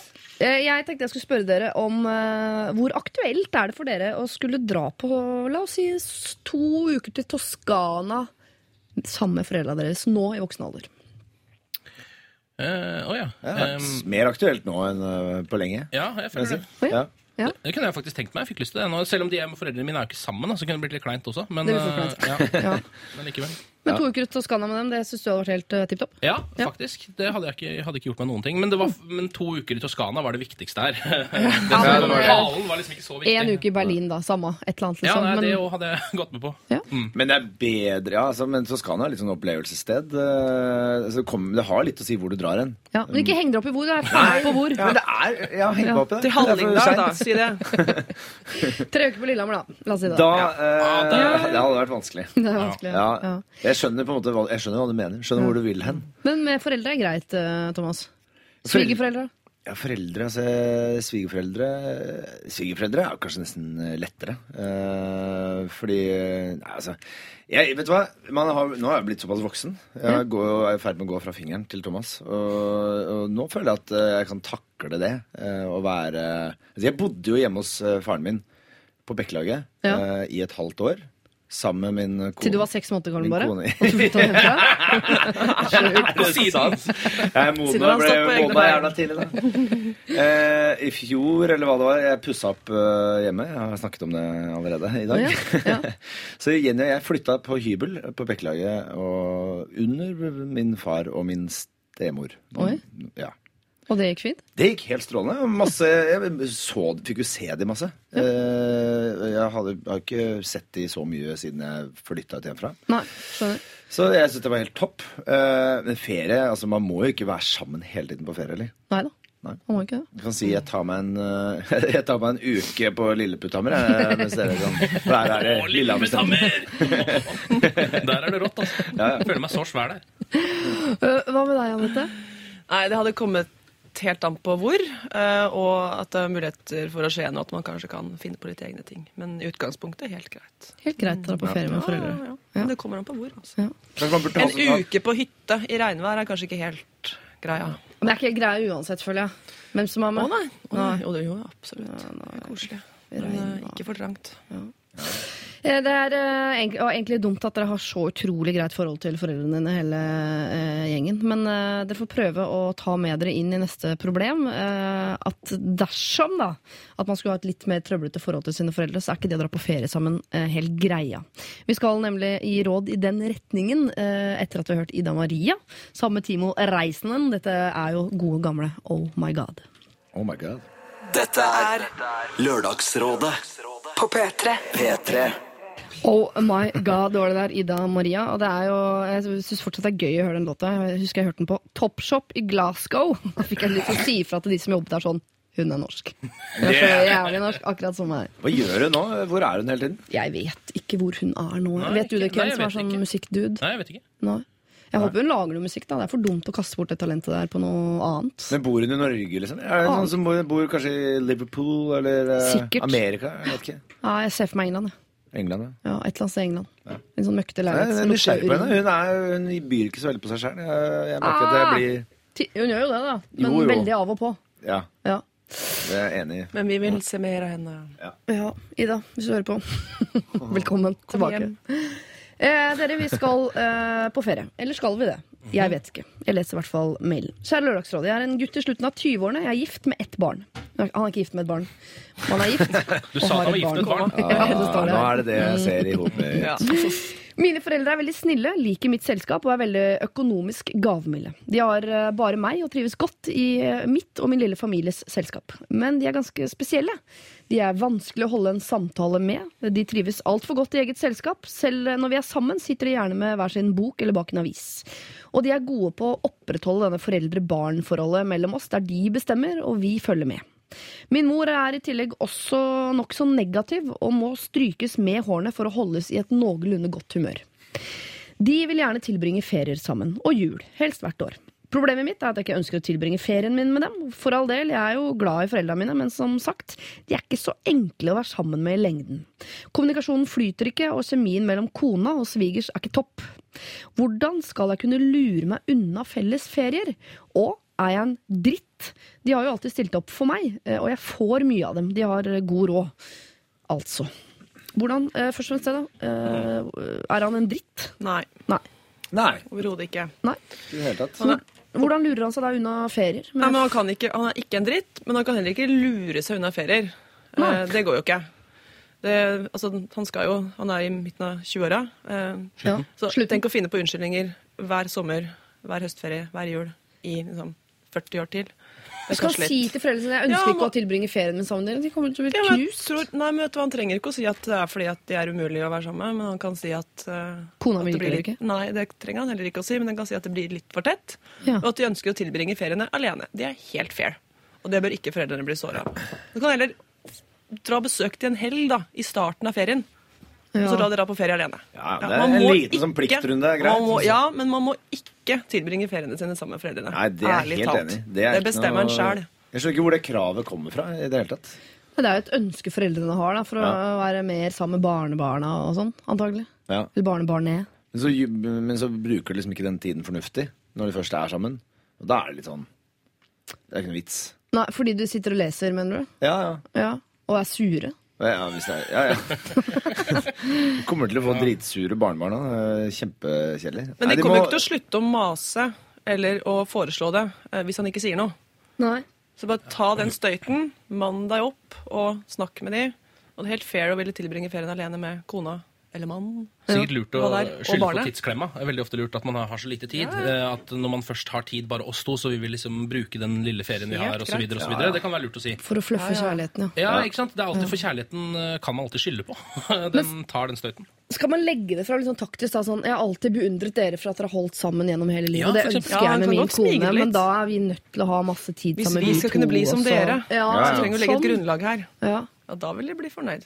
Men kan Og da, og da kan de spandere en romantisk tur et eller annet sted. vet du. ja, sånn den romantiske Viken en gang i kvartalet. Ja, bare, bare Og så de. dukker de opp blir sånn eh, Som en overraskelse. Ja, vi kommer, vi også! Men du som er enebarn, Ken. Mm. Tror du ikke at foreldrene dine kommer etter hvert til å bli ganske sånn klengete på deg? Og hvis, du, øh, hvis de føler seg sånn ekskludert fra deg og den familien Ja. som du kommer til å få Ja. Uh, Tror du ikke de blir veldig veldig lei seg da? Jo, Sitter de det, aleine på, på Hamar der, eller hvor de bor, da? Moss. Moss. Ja, nei, men jeg, jeg, ja, det tror jeg det blir. Men jeg har ikke noen store planer om å ekskludere de så voldsomt heller. da. Uh, så det tror jeg skal gå bra. Ja. Men jeg ser liksom for meg at hvis jeg forklarer det til mamma og, eller pappa, uh, at nå trenger jeg og dama litt tid sammen, bare oss, og kanskje med vår lille baby, så tror jeg de skjønner det. Ganske godt, hvis man liksom legger det godt nok fram. Eh, og så kan man jo, og det vil man jo sikkert også, dra på noen ferier med familiene sine. Eh, selv om det Man virker- trenger ikke det heller. Man, Man trenger ikke det, det. Det virka jo som det var litt Men slitsomt. jul, for eksempel. Men det- men- Jo, man feirer jul sammen, men, men det altså, Hvor lenge, Lille er, det- hvor lenge, julaften til er, hvor lenge var jul, da? Det var bare Ja. én dag, da. Ja. Ja. en dag. To dager, så er det greit. Ja. Ja. Dette er ikke noe problem, altså. Men altså, jeg, jeg, vet du hva, jeg tror jeg har en liten hypotese om denne, disse foreldrene. At de er såpass sure og øh, kjedelige, øh, bortgjemte bak bøker og aviser, at, mm. at de ikke har noen særlig venner. Og at han kanskje har litt sånn, øh, er litt redd for at de skal bli alene.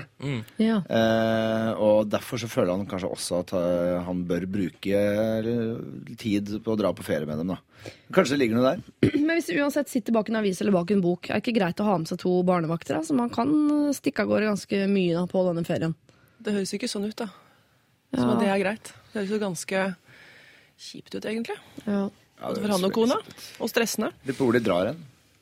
Toskana? Nei, det var mitt, det var mitt forslag. Da. Eller Berlin. Men eh, De får ikke låne hytta. jeg skjønner jo det at, han, det at han føler seg som en dritt, går jo på sånn De har jo dratt med meg på ferie gjennom hele oppvoksten. Det var sikkert ikke noe Ja, men kult det er det så foreldre derfor gjør, er da. det min tur å gjøre det nå. Men det er ikke sånn altså, at man skylder foreldrene sine det de Nei. på en måte Nei. Så jeg lenge, han synes ikke besø så lenge han besøker de, og det er ikke det det er snakk om her. Nei. Eh, Det er ikke snakk om å aldri se de mer. Det handler om å ikke måtte reise på ferie sammen. ja. Dra en helg før sommerferien, og dra på ferie alene. Ja. Da er du en god Jeg sønn. syns det er så enkelt som bare det. Det er veldig lurt. Men Kanskje, ikke kanskje de seg som en foreldrene dritt. syns at han er døv også? Eller At- tipper de ikke liker kona. Ja, eller kanskje det Ja, er det det. kan hende. Så det er et eller annet. Jeg tror det kommer til å løse en utrolig eh, kjedelig floke eh, hvis, de, hvis han bare sier vet du hva, jeg dropper det feriegreiene. Ja. Selv om vi bor i et land hvor vi har eh, egentlig ganske mye ferie, så syns jeg at den eh, ferien man har, den skal man bruke til noe som er hyggelig. Ikke eh, plikthenge med mor og far, på en måte. Det, det syns jeg ikke man skal bruke ferien sin på.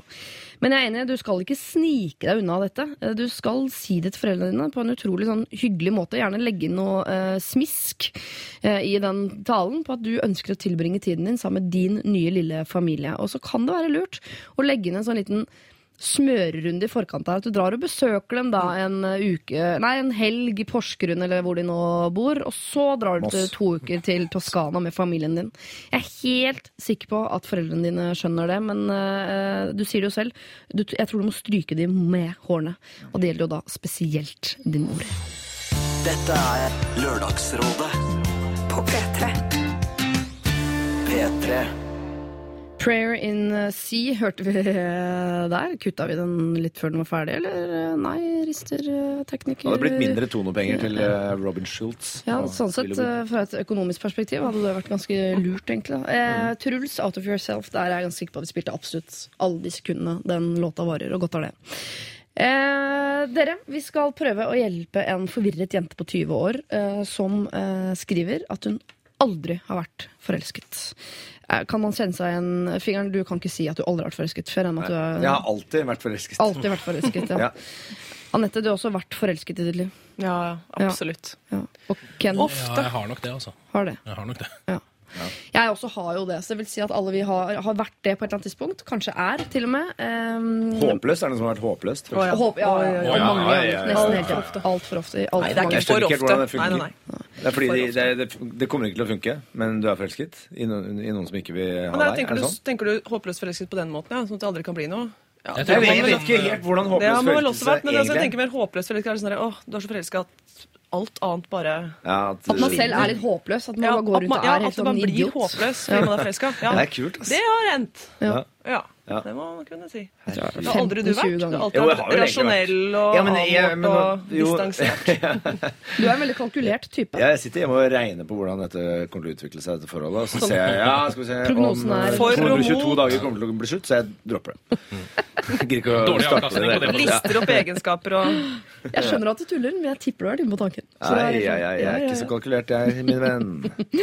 Ok, Her er det en jente da på 20 år som skriver til oss. Jeg er en jente på 20 år som har et slags problem.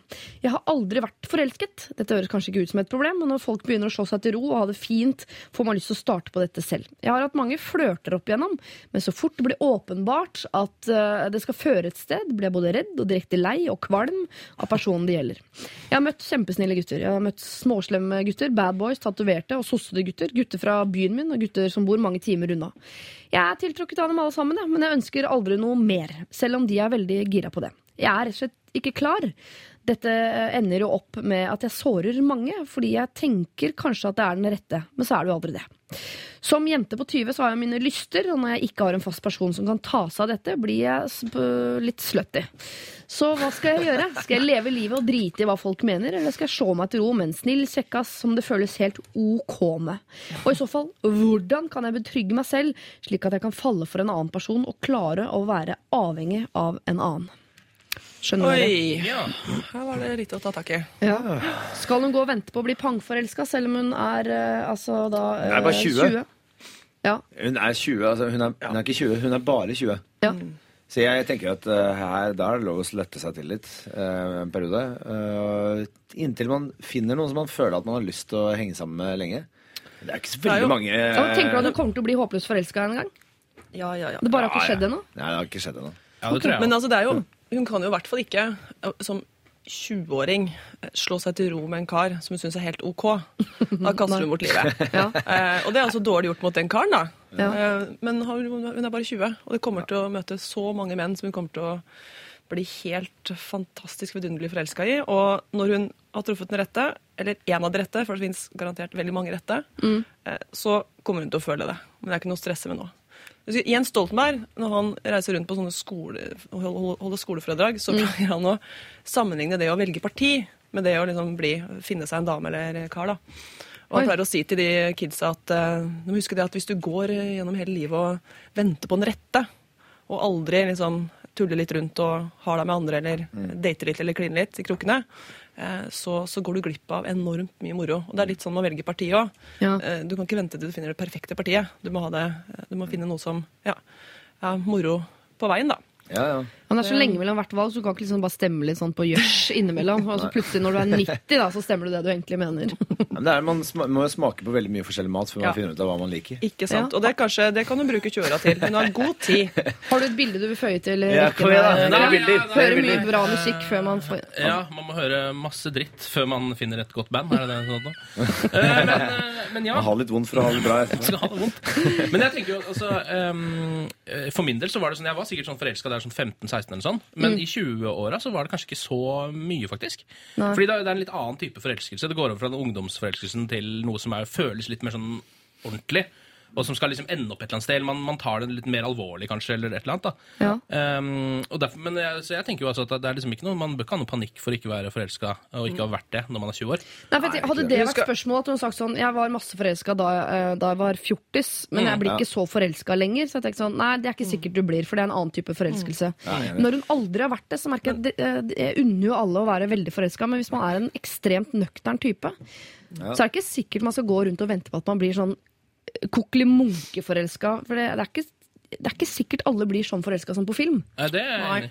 Men samtidig, Men når du liksom møter en nok, da. Ja, men når hun møter en rett, en rett mann, da, så kommer hun ikke til å beskrive det som en helt OK fyr. Det høres litt dølt ut. Nei, det er akkurat det. Eh, Men jeg tror hun må Hun, hun har liksom ikke blitt helt kjent med disse følelsene ennå. Kanskje For å si det sånn, hvis vi, hvis vi skal dele av vår livserfaring, vi som alle her faktisk er 33, Ja. så er det det å si at så vi er jo 13 år eldre enn henne, Mm. at eh, hun kommer til, å, kommer til å oppleve det der Ja, ja. Det kommer til å smelle. igjen og igjen og igjen. og igjen. Nyttårsrakettene kommer til å banke i eh, hodet og hjertet og overalt. Men Jeg skulle gjerne visst det da jeg var 20. At uh, livet ikke var over uh, når eh, han Nei, er eller hun slo opp, og at det kom til å komme andre. Ja. Men, men dere kan skjønne at hun er litt bekymret, fordi alle rundt bordet her kan vel også uh, rekke en hånd i været og si at de hadde opplevd å være forelsket før de var 20. Ja. Så hun, det er ikke, Ja. Vi skal ikke sitte her og eh, late som det er helt nei, nei. vanlig å aldri vært forelsket man Nei, men jeg tenker, hva, hva er det å være forelska, da? Det er jo, jeg vet ikke hva slags for... Ja, Stort spørsmål. hva er det? Hva er nå det? Men altså, det, det kan godt hende at hun har urealistiske forventninger, forventninger til hva en forelskelse er. Ja. At hun er like forelska som det vi Trenger ikke å bli Hugh Er- Grant liksom, for å slå seg til ro. Nei. Men uh, det der kommer hun til å finne ut av, tror jeg. Ja. Rett og slett. Jeg lurer på om en del av vennene slash venninnene hennes har, eh, har kjærester. Og er veldig, Ja, De begynner å slå seg til ro, da. Det var det de sa. Ja, jeg husker jo har veldig dårlig hukommelse. Ja, Det var veldig tidlig Så- med I begynnelsen av 20-åra. da skjønner jeg at eh, hun kanskje kan føle litt på det. Men Mm. uh, jeg mener at uh, det er kanskje de som hopper litt tidlig i ting. Altså, som, som du sa, Anette, det er veldig, er veldig tidlig å slå seg til ro når man er 20. Ja. Så jeg mener her er det bare å leve livets glade dager. Og så kan man slå seg ned når man er kanskje 25 eller 30. Det er jo fem-ti år til. Hvor hun kan, Men, men sa ikke hun noe om at når hun ikke har en fast Eller hun dater, da, Ja. så opplever hun at hun lever litt slutty? Hva, Ja. hva Gjenta det. Hva var det? Eh, eh, eh, eh, At hun ikke er i fast forhold. Når jeg ikke har en fast person som kan ta seg av dette, altså disse lystene hun har, eh, så blir jeg lett, sett på som lettere slutty. ja. Oh, ja. Ja, Men det er ikke så farlig, er det det? Nei, Det er gøy, ja. yes, det det er bra. Ja. Men jeg tenker at hun, i hvert fall, fordi det virker som hun også har litt sånn eh, Hun nevnte at, um, at hun sårer mange og sånn. Fordi hun prøver liksom og tenker at det er den rette, og så er det aldri det. Ja. Men jeg tror i hvert fall det er litt viktig å ikke få panikk på det. Fordi hvis man ikke tør å hive seg litt ut i det, så blir det i hvert fall aldri noe ordentlig forelskelse, tror jeg. Ja. Så man må liksom ikke tenke sånn 'Å nei, tenk om dette ikke er den rette', eller bare tenk sånn 'Dette kan være den rette, vi prøver'. Eh, fordi med en gang man begynner å liksom sette på bremsene, så går det ikke veien, altså. Nei. Men bare være ærlig mot de hun treffer. Ja. Ja, men så er det vanskelig å være ærlig i den prosessen på akkurat For man kan ikke vite sånn Ja, jeg liker deg godt nå, Nei, men men jeg vet, vet. ikke om jeg gjør det om en uke. Det kan, altså, det Nei, kan det er Men når hun, men når hun kjenner i magen sin at det kanskje ikke er greia, så må hun bare si det istedenfor å late som. Ja. ja, Slutt å ligge med folk som er forelska i deg, som du vet at du egentlig ikke liker, men du har et behov. Altså, Det er, det er lov å slutte med. Det må jeg få lov å si. Men uh, forvirret jente, 20 Jeg kan selvfølgelig ikke garantere det, men jeg føler meg ganske trygg på at du kommer til å leve, oppleve en, eh, en forelskelse. Du kommer til å møte en fyr som det føles naturlig å slå seg til ro med. Men du skal være glad at du ikke møtte han allerede. Eh, Du skal være glad for at det fortsatt er noe du kan glede deg til. Og så er det jo gøy å være slutty på veien dit også. Herregud, jeg har aldri hatt det så gøy som de slutty åra i livet mitt. Ja, the years. Ja, ja, se, du smiler når du snakker om det, Siri. Ja, ja, ja, ja, ja, ja. Man tok altfor lite fotos, for det er der man vil legge mimringa. Det var heldigvis ikke selfies på den tiden. Nei, det var før mobilens tid. Eh, Men kos deg du oppi hele greiene du driver med nå. Ta det helt med ro. Du har ikke lovt noen noe, og du har ikke dårlig tid. Du, jeg kan eh, love deg at du finner en person det føles helt naturlig å slå seg til ro med. P3 Dette er Lørdagsrådet på P3. P3 Donkeyboy der med Hero synger dette barnekoret så lenge du resirkulerer. Altså As long as you're recycling, sier de det Ja, i den låta. Så utrolig i tiden, da. Det må jeg si. Donkeyboy har ofte litt sånn tekster som det er vanskelig å tolke, så det kan godt hende det er noe sånt. De er sponsa av Innovasjon Norge, som vil gi noe tilbake til Ja, samfunnet. faen, kanskje er det. Er det ikke litt sleipt å bruke barnekor? Litt. Det funker på meg, ass. Det er få Ja, låter meg, ja, det funker der, syns jeg. Ja, jeg det syns jeg funker funker nesten Ja, hver gang. ja. ja men det funker. Men det er Bortsett fra sleipt. han der eh, pedofile som, hadde, som satt inne for pedofili. Hva heter han? Uh, R. Kelly? Nei. Eh, han? Jo, R. Kelly, Ja, ja. han er veldig Altså, kjent. satt inne for pedofili. Han brukte barnekor på den låta si. Det var ikke helt greit, syns jeg, da. Syns jeg. Nei. Ikke pent. Det er Det ikke er pent. Eh, Lillebjørn Nilsen har gjort det, men han var ikke pedofil. Og det funka. Det funka. Ja, der funka det. Ja. Eh, vi skal, eh, eller dere da, skal få lov til å prøve ut Lørdagsrådets app. app. vi er så stolte av å ha fått app. Eh, Gratulerer. eh, tusen, tusen takk, eh, sier jeg på vegne av eh, meg selv. Og utviklerne. Og utviklerne. Ja. Det er Lørdagsrådet Ekspress, heter den. Kan gå inn på da eh, p3.no skråstrek ekspress og laste den ned til hjemskjermen din, så oppfører den seg som en app. Selv om det er sånn på papir ikke Vet du hva det heter? Det heter webapp. Ja, Men det, altså, det er for folk flest. Ja. Så er det en app. Ja. Jeg vil, eh, Dere kan få låne min mobil foreløpig, for jeg regner med at ikke har fått tid til å laste den eh, ned eh, allerede. Men jeg sender min telefon rundt bordet, hvor jeg har appen klar. Jeg vil at dere skal tenke på et problem. Si problemet høyt, sånn at eh, vi andre rundt bordet og eh, du som hører på, vet hva problemet er. Trykk meg i trynet. Det er bilde av meg på appen, nemlig. selvfølgelig, Det var noe av poenget. Eh, og, så, og så sier dere hva svaret er. Hva, mm, hva, hvem vil begynne? Thomas? Jeg har tenkt, Ja. uh, tenkt i, i ti sekunder Ja. Hva hva lurer du si. på? Um, jeg, jeg, jeg vurderer å begynne å sykle. Uh, ikke Mener du å lære deg å sykle, eller? Ja, ja. Jeg vurderer å, å kutte støttehjula. Nei, jeg har tenkt jeg, Det er flaut, eh, tror jeg, da. Jeg vurderte å begynne med landeveissykling. Ja, du, du er sant. 33, ikke Det er ikke nærmer meg ikke 40. Nei. Kommer Fordi du jeg syns det er veldig gøy å sykle. Kommer du til å bli sånn som kjøper deg klatretrøya fra Tour de Det er France? det, det, er det som er problemet. Altså, jeg, jeg, Du blir bitt, vet Jeg er ikke noe glad i de som sykler rundt i byen i full sånn, eh, stæsj eh, til og fra jobb og sånn. Nei. Eh, jeg sykler jo i vanlige menneskeklær. Mhm. Eh, I motsetning til ja, og fyker forbi alle sammen. Jeg sykler Ja. mye fortere enn alle Folk flest? Ja, Ja. jeg gjør det. Som har hjelm og signalgreier og sånn raske klær på seg. da. Ja. Men allikevel så har jeg, og jeg tenker Hvis jeg skal begynne med landeveissykling, så må jeg nok sikkert få meg raske klær. ja. Eh, Så spørsmålet er skal så spørsmålet er skal jeg begynne med landeveissykling? Ja. 40-årskrisesporten? Ja eller nei? Jeg trykker på Siri Kristiansen. Vurdere konsekvenser. okay. Slapp av. Var det det? Så du bare 'slapp av'? Ja. Men det syns jeg skal ta til. Slapp av, liksom. Slapp av. Du er ikke 40 ennå. Slapp av. Du trenger ikke å begynne med Nei, landeveissykling. Du driver med turn og golf. Slapp av, Ha- da. ha god tid. Du kan begynne å sykle når Man blir jo steril av det også i en periode. Ja, ja, ja. Hvis man Det er feil langt. tidspunkt i, tid, i Vent, livet vent, vent. å begynne med Det kommer til å bli dopingtatt av det også. Det er ikke noe å begynne med. Nei, ikke gjør det. Ikke gjør det. Da, greit. Anette, hva lurer Skal du jeg bruke på? tida mi på det? Nei, nå har jo Thomas eh, lagt lista her, da. Ja. Problem og problem. Eh, I beste fall ilandsproblem, eller kanskje noe man bare lurer på. Ja. Eh, nei, Vi snakka litt om eh, hårsveiser her i pausa Ja. under forrige låt. Eh, Og da ble jeg sittende og tenke litt på det. Um, for det er litt sånn, nå har jeg, Det vet jo ikke de som hører på, for de ser jo ikke oss. Men jeg har jo kort hår, Ja. eh, og det har jeg hatt noen år. Og det er noe med det at når man først, hvis man er over 25, eller over 30, Ja. Og klipper deg kort, så er det veldig vanskelig å få langt hår igjen.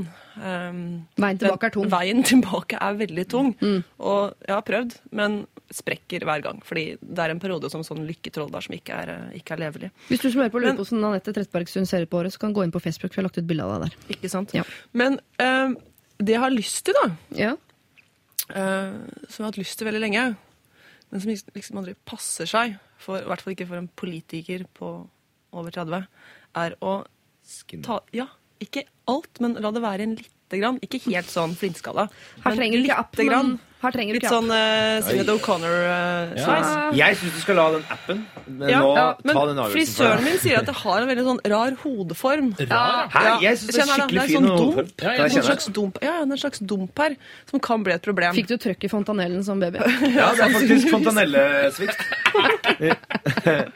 Men, men det hadde jo for det første vært veldig veldig praktisk og veldig, veldig deilig å slippe å ha hår. Ja, ja, ja, ja. Eh, Og så kan det jo bli ganske kult, men det vet man ikke før man står der da, og ikke har hår. Det er jo noen som eh, kler eh, veldig og, og ikke har hår. Jaha. Eh, Sånn Stella Mwangi, for eksempel. Ser Ja, ja, ja. Ja, ja, ja. Jeg syns hun er ganske fin med hår, ja. Så spørsmålet er, skal jeg skinne meg ikke helt, men la det være en centimeter, Ja. eller skal jeg ikke? Skal vi se, trykk få svar. Er du i tvil, er nok ikke liv laga. Nei. Da blir det ikke skinny. Vet du hva, Jeg er enig. Jeg syns du skal beholde håret. Jeg synes det er skikkelig fint og glansfullt hår. Eh, Hva slags Takk, takk, produkter bruker du? Ja. Ja, men du, Det er som med tatovering. At jeg mener sånn, eh, Du skal ha jævlig lyst på det før du gjør det. For det er ganske Ja. drastisk. Så hvis du er i tvil, dropp det. Det er lang vei tilbake derfra. Det blir ikke noe kortere av eh, vei tilbake Kan jeg låne av at du fjerner Ja, ikke sant? Ken, Nei, men da venter vi på? med det. Ja, det jeg lurer på er um, Det er et seriøst spørsmål, da. Ja, nei, Det er ganske seriøst, men det er litt uh, trivielt også. Okay. Uh, men for meg ganske viktig. Jeg, jeg går inn i en slags kleskrise nå. Eh, hvor jeg begynner, altså jeg er 33 år, men jeg har fortsatt de samme klærne som da jeg var 25. egentlig. Ja. Jeg lurer på om jeg burde bytte til en voksnere klesstil. Men er det du har på deg i dag representativt for Ja. du vanligvis er? Ganske. T-skjorte og Ja, Caps. En caps og noen bukser, liksom. Eh, Ja. Nei, det, dette er, det er som 30-årskrisedag. Det er som Ja, kleskrise, hårkrise Ja, og, det og Sykling. Sportskrise. Ja. Så jeg lurer på om jeg burde liksom for gå over til mer sånn stil som fingeren her, som er litt mer klassisk og ren. eh, Og litt voksnere. Kanskje begynne å gå med voksne sko istedenfor skatesko, f.eks. Jeg har barnesko nå. Du har barnesko, ja. ja! Det var godt å se, faktisk. hvite Jeg ikke, hvis du først, jeg skjønner hvilke, hva du er ute etter å eksemplifisere. Jeg syns ikke fingeren er det beste eksempelet. I rommet, kanskje. Ja, I rommet så er det det. Ja. Hvorfor? Ja, du, altså, du kler deg jo ikke som en gammel gubbe, akkurat. Nei, nei. Nei, nei. Men jeg kler meg, syns jeg kler meg barnslig eller voksen? Nei, Men er det du som kler deg, eller Jenny som kler deg? Jeg kler meg selv. Er, takk, eh, fru stortingskvinne. Takk til deg fru stortingskvinne. Lager du bra ut, matpakka di selv? Nei. Men, Trykk men jeg stryker. Ken. Jeg skal søke og se om jeg skal Ja, hva- syns du ser bra ut, ja. ja men det er veldig hyggelig, da. I hvert fall i dag, da. Nå er ikke Ja, men, ja, men Det er veldig hyggelig. Jeg bare føler liksom at jeg begynner å bli såpass voksen at jeg kanskje burde liksom ha sko laget av lær, f.eks. Droppe skatestilen, Nei, liksom. skal få se på Men er der, da. Ja, de, er, de er fine. Ja, ja. Men okay. Jeg jeg, aldri Jeg syns du Man må ikke være kjedelig. Og... Litt mer skjorter og trangere bukser. Hva tror du med? det? Ja, jeg, jeg kan gjerne være med. Litt med mer skjorter og kanskje skatesko av skinn. Fall skatesko som ikke er, eh, ikke er eh, tjuskete. Jeg er kan gi deg ett tips før eh, appen avgjør. Ja. Se til Gunnar Greve. Se til Gunnar Greve. Kopier. Utfør. Er det den perfekte stilen, føler du? Gunnar Greves stil? Ja. Hvorfor det? Jo.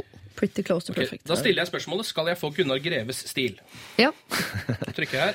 Helt vanlig problem som mange Kommunikasjon, kommunikasjon, kommunikasjon er svaret jeg fikk. Vil det si at jeg må ringe Gunnar Greve? eller? Ja, du må snakke med Ja, du må nok snakke med han. Ja. Eller snakke med en, eh, en stylist uh, Ja. der ute. Ja. Ja.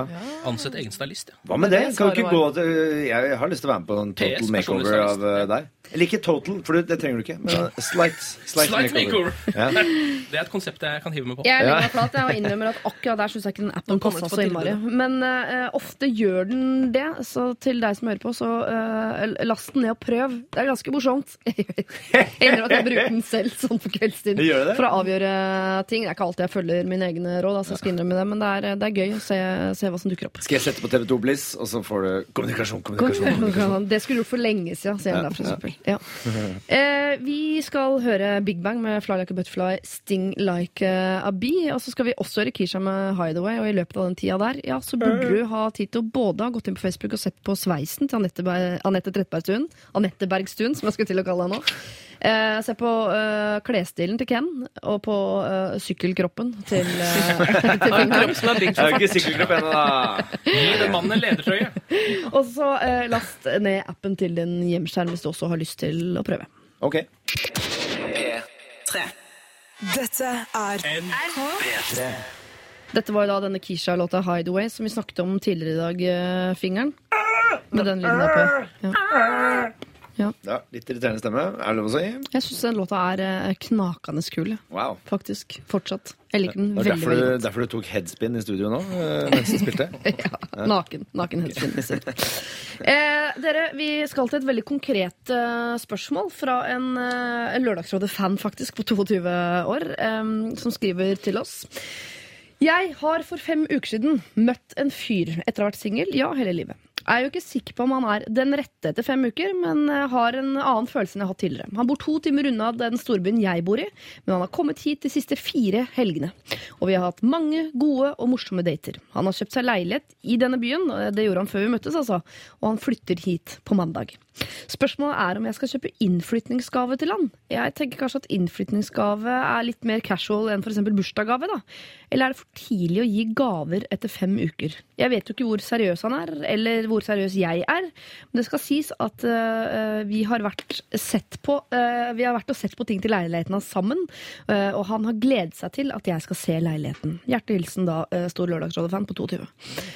Er det øh, Hun er redd hun er, her, er- hun er redd liksom, for å skremme ham bort eller et eller annet. Da. Er det, gjør hun det ved å kjøpe en innflyttingsgave? De har sendt hverandre fem uker. Nei, nei, nei. Men jeg trenger ikke å gå all in. Jeg trenger ikke å kjøpe noe sånn voldsomt. Ja, for Hva det er spørs litt hva gaven er. Altså, hvis man kjøper noe som er liksom litt sånn uh, morsomt og søtt, så er jo det på en måte uh, litt greiere å ha med å gjøre enn hvis du kjøper noe dønn seriøst og dritdyrt. Det må Ja, være en safe, da. Ja. Ja. Ja, men, en, eh, hva burde man kjøpe? En veggklokke? Da er det på en måte ja, ja. Ja, jeg veit ikke helt. Hva Men med hva blomster? Og en, og en vase? jeg har vel tenkt at Ja. det hun kan gjøre, er å gjøre nettopp det. Kjøpe en flaske vin eller champagne og en, en fin blomst. Um, Ja. Begynne å kjøpe sengetøy eller bilder og sånn. Det kan fort bli veldig feil. Ja, det er det. Man skal ikke Hva med en litt dyr, fin dobørste? Ja, ja. Det, Jeg har en veldig dyr og fin ja. dobørste. Noe som alle trenger, på en måte. ja. Som vi vet han må ha. Men jeg synes jo det er, det er veldig rart om man ikke kjøper noe. på en måte. Det er, det er mye rarere. Ja, for jeg skjønner, jeg skjønner ikke hva det har å si om de er på date eller ikke. Hvis du skal på innflyttingsfest. Ja, ja. Spørsmålet kunne vært sånn, er det, er det rart å kjøpe innflyttingsgave på innflyttingsfest? Nei. Og man kan fortsatt gi de samme rådene sånn ja, det må ikke sengetøy er rart, og sånn, men veggklokka er greit. Det syns jeg på en måte er råd man kunne gitt uansett om de er på dealeren eller ikke. Ja. Men i tillegg, så, appen, men i tillegg så har jo de vært på shopping sammen, så vet jo litt hva han liker, da. Så det burde gå veldig greit, det her. Ja. Ja, Pluss at menn ofte ikke vet sitt eget beste når de skal innrede leilighet. For han er sikkert på god vei til å kjøpe glassbord og skinnsofa, og da, det, er, det må stoppes. Eh, Jeg sier ikke at du skal kjøpe sofa til han, men kjøp noe fresh. Du kan Men jo gi gave ikke- og en, en eh, konsultasjon, altså en møbelkonsultasjon. At den er med han og kjøper ting. Nei, det blir for rart. Da Nei, det blir det veldig rart. skremmende. Men- Unnskyld, jeg Du kan gi gavekort på sin tid. Jeg, jeg, kan Ja. bli, jeg setter av en hel lørdag til å bli med deg og se på Nei, møbler. Overhodet ikke. Nei. Ikke, er, Det blir feil. Da, er hun med å bestemme. Det Ja. blir, funker ikke. Jeg har gitt sånn tidsgave før. eh, Til dansken, min makker, så jeg har gitt tre timer med datasupport. Man kan bruke Har du ikke brukt opp det? Nei. eh, Jeg bruker vel, brukte veldig kort tid på det han hadde problemer med. Som han har revet seg i håret på, i to år. Er du datasupporter? Jeg, Jeg visste ikke at du var det. jeg visste jeg, Er Jeg, du skap-IT-nerd, egentlig? vite. Jeg ja, litt, dessverre. Du og Henrik Thodesen har ekstremt mye til Ja, vi, er, vi har vokst opp eh, sammen. Jeg vet. Så det er derfor. Ok, Men det er ikke for tidlig for gaver, og det har vært foreslått her eh, vin. Eh, veggklokke er foreslått. Ja, blomst, blomst bare. Blomst. Blomster. Og vase, for den trenger en vase. Ikke sant? Han vil aldri kjøpe seg en vase. Nei. Hvis hun eh, kjøper en blomst, så er det fint at hun kjøper en vase til den, så man kan ha videre. Bare så lenge hun ikke kjøper sånn ekstra sett tannbørste til seg Nei. selv og gir han det. Liten kommode med en G-streng i øverste skuff, liksom. Ikke gjør det. Ikke gjør det. Beste det ikke innflytelsesgaven jeg noen gang har fått, er faktisk uh, fra Henrik Thodesen for øvrig. En Rimi-pose med uh, sånn hattingbagetter, to avokado, en tube majones og kalkunpålegg til dagen derpå. Fy faen. Hey! Det var deilig dagen etter, ass. Øh, du, det er ikke for tidlig å kjøpe gave. Uh, Overhodet ikke. Så lenge ikke du kjøper sengetøy eller uh, ekstra tannbørste til deg selv eller en kopp med en G-streng oppi som skal stå hjemme hos han eller noe sånt. Ikke gi gaver med for mye sånn tegn om fremtiden. Men bortsett fra det, kjøp hva du vil. Det er veldig rart egentlig å komme innflytningsfest uten å ha med innflytningsgave. det er frekt. Ja, det er frekt, rett og slett. Så ikke spør om det igjen. Ikke kjøp pyntepute. Pynt, hvorfor ikke? Nei, det må man ikke ha. Jo, det må man ha. Nei, må man det? Man må ha Nei, man må ikke ha pyntepute. Man må pyntepute. Pyntepute er ikke noe hva det en gang var. Jo. Jeg skal Tenk vise deg blomster noen og blomster eh, pynteputenettsider. Det er masse eh, kule IT-nerd. pynteputer. Så skal Jo, vi se men at, kule, det er det. Dere syns det er masse kule pynteputer? Det er, det er ikke Det det. er ikke det. Det er ikke masse kule pynteputer. Nei. Jo, det er Nei. men masse kule Nei, pynteputer. nei, nei. Ensfarva kule Ja. puter som pynter opp. Ja. Trenger ikke være verre. Trenger ikke være bilder av katter og, og blomster og. Det er ikke. Er sant? Ja, er sant. Nei, det er ikke sant. Jeg har ikke en pute på veggen. Jeg har ikke det. Jeg har akkurat bestilt en pyntepute som ser ut som Alfred Einstein. Både av fjeset hans og altså, uh, figursydd som hodet til Alfred Einstein. Oi, Det er, Det er fint. altså. Mm, Humorpyntepute. Det er for øvrig innflytningsgavetips. Byste. Byste er alltid populært. Eh, Einstein, altså selv eller andre? Mozart. Nei, altså selv kanskje enda altså bedre. selv. Mm. Ja.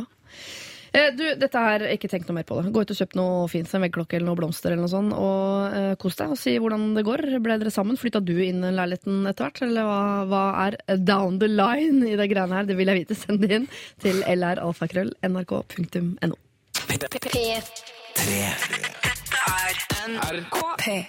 Tre. The Lionheads eh, hørte vi med sin eh, House of Cards. Og House of Cards eh, virker som er et gjennomgående tema her eh, i dag. Jeg tror det er det første vi snakket om mm, fem over ni i dag. Så begynte vi å snakke om House of Cards. Uh, Thomas Fingeren Gulestad, Nette Trettebergstuen og Ken Vasenius Nilsen. Lionheads er jo den innerste kretsen til eh, Thomas Fingeren. Er det det, eller? Ja, det er interessant Ja, info. Mm. er det vennegjengen din, liksom? Eh, Jeg har blitt, nettopp blitt kjent med dem. Jeg spilte, De hadde release-konsert på Parkteatret her i selveste Oslo i går kveld. Jeg spilte plater etterpå. Ja, for det er sånn du driver med. Jeg er DJ også. Ja, Ja. ja. Jeg har utrolig god musikkompetanse. Ja. Du har en veldig bred kompetanse. du har det. Men tenker du at Da må du spille musikk som kan minne om Lionheads-musikk? Eller hva tenker du nå? Nå må jeg pumpe opp med noe annet uh, mer dansbart? Nei, jeg prøvde å pumpe på med noe dansbart. Litt Ja. sånn uh, moderne disko-ting og sånn. Hva da? Ikke sånn middels bra. Ja, for sånn Lionheads-fans, er de sånn som kaster seg ut på dansegulvet? Ser det ikke for meg. Mm Nei, de eh, gjorde jo ikke det. På Nei. ingen måte kasta de seg over dansegulvet. Men jeg hadde invitert eh, en gjeng Ja. eh, med venner som kom måte, etter konserten var ferdig. Ja. Eh, bare for å danse. Så, eh, men da gikk jo alle konsertgjengerne. Eh, så da var det kanskje 20 stykker igjen. da. Ja. Du kunne egentlig bare hatt den festen hjemme med dine venner. Ja, ja. Hjemme ja. Kunne egentlig det. Parkteatret. Kunne Ja. egentlig det. Men det hadde ikke fått betalt for. sitte her og være ikke sant. dritsliten. Nei, det er sant. Jeg ble jo steinrik i går kveld. Det er deilig å tenke på.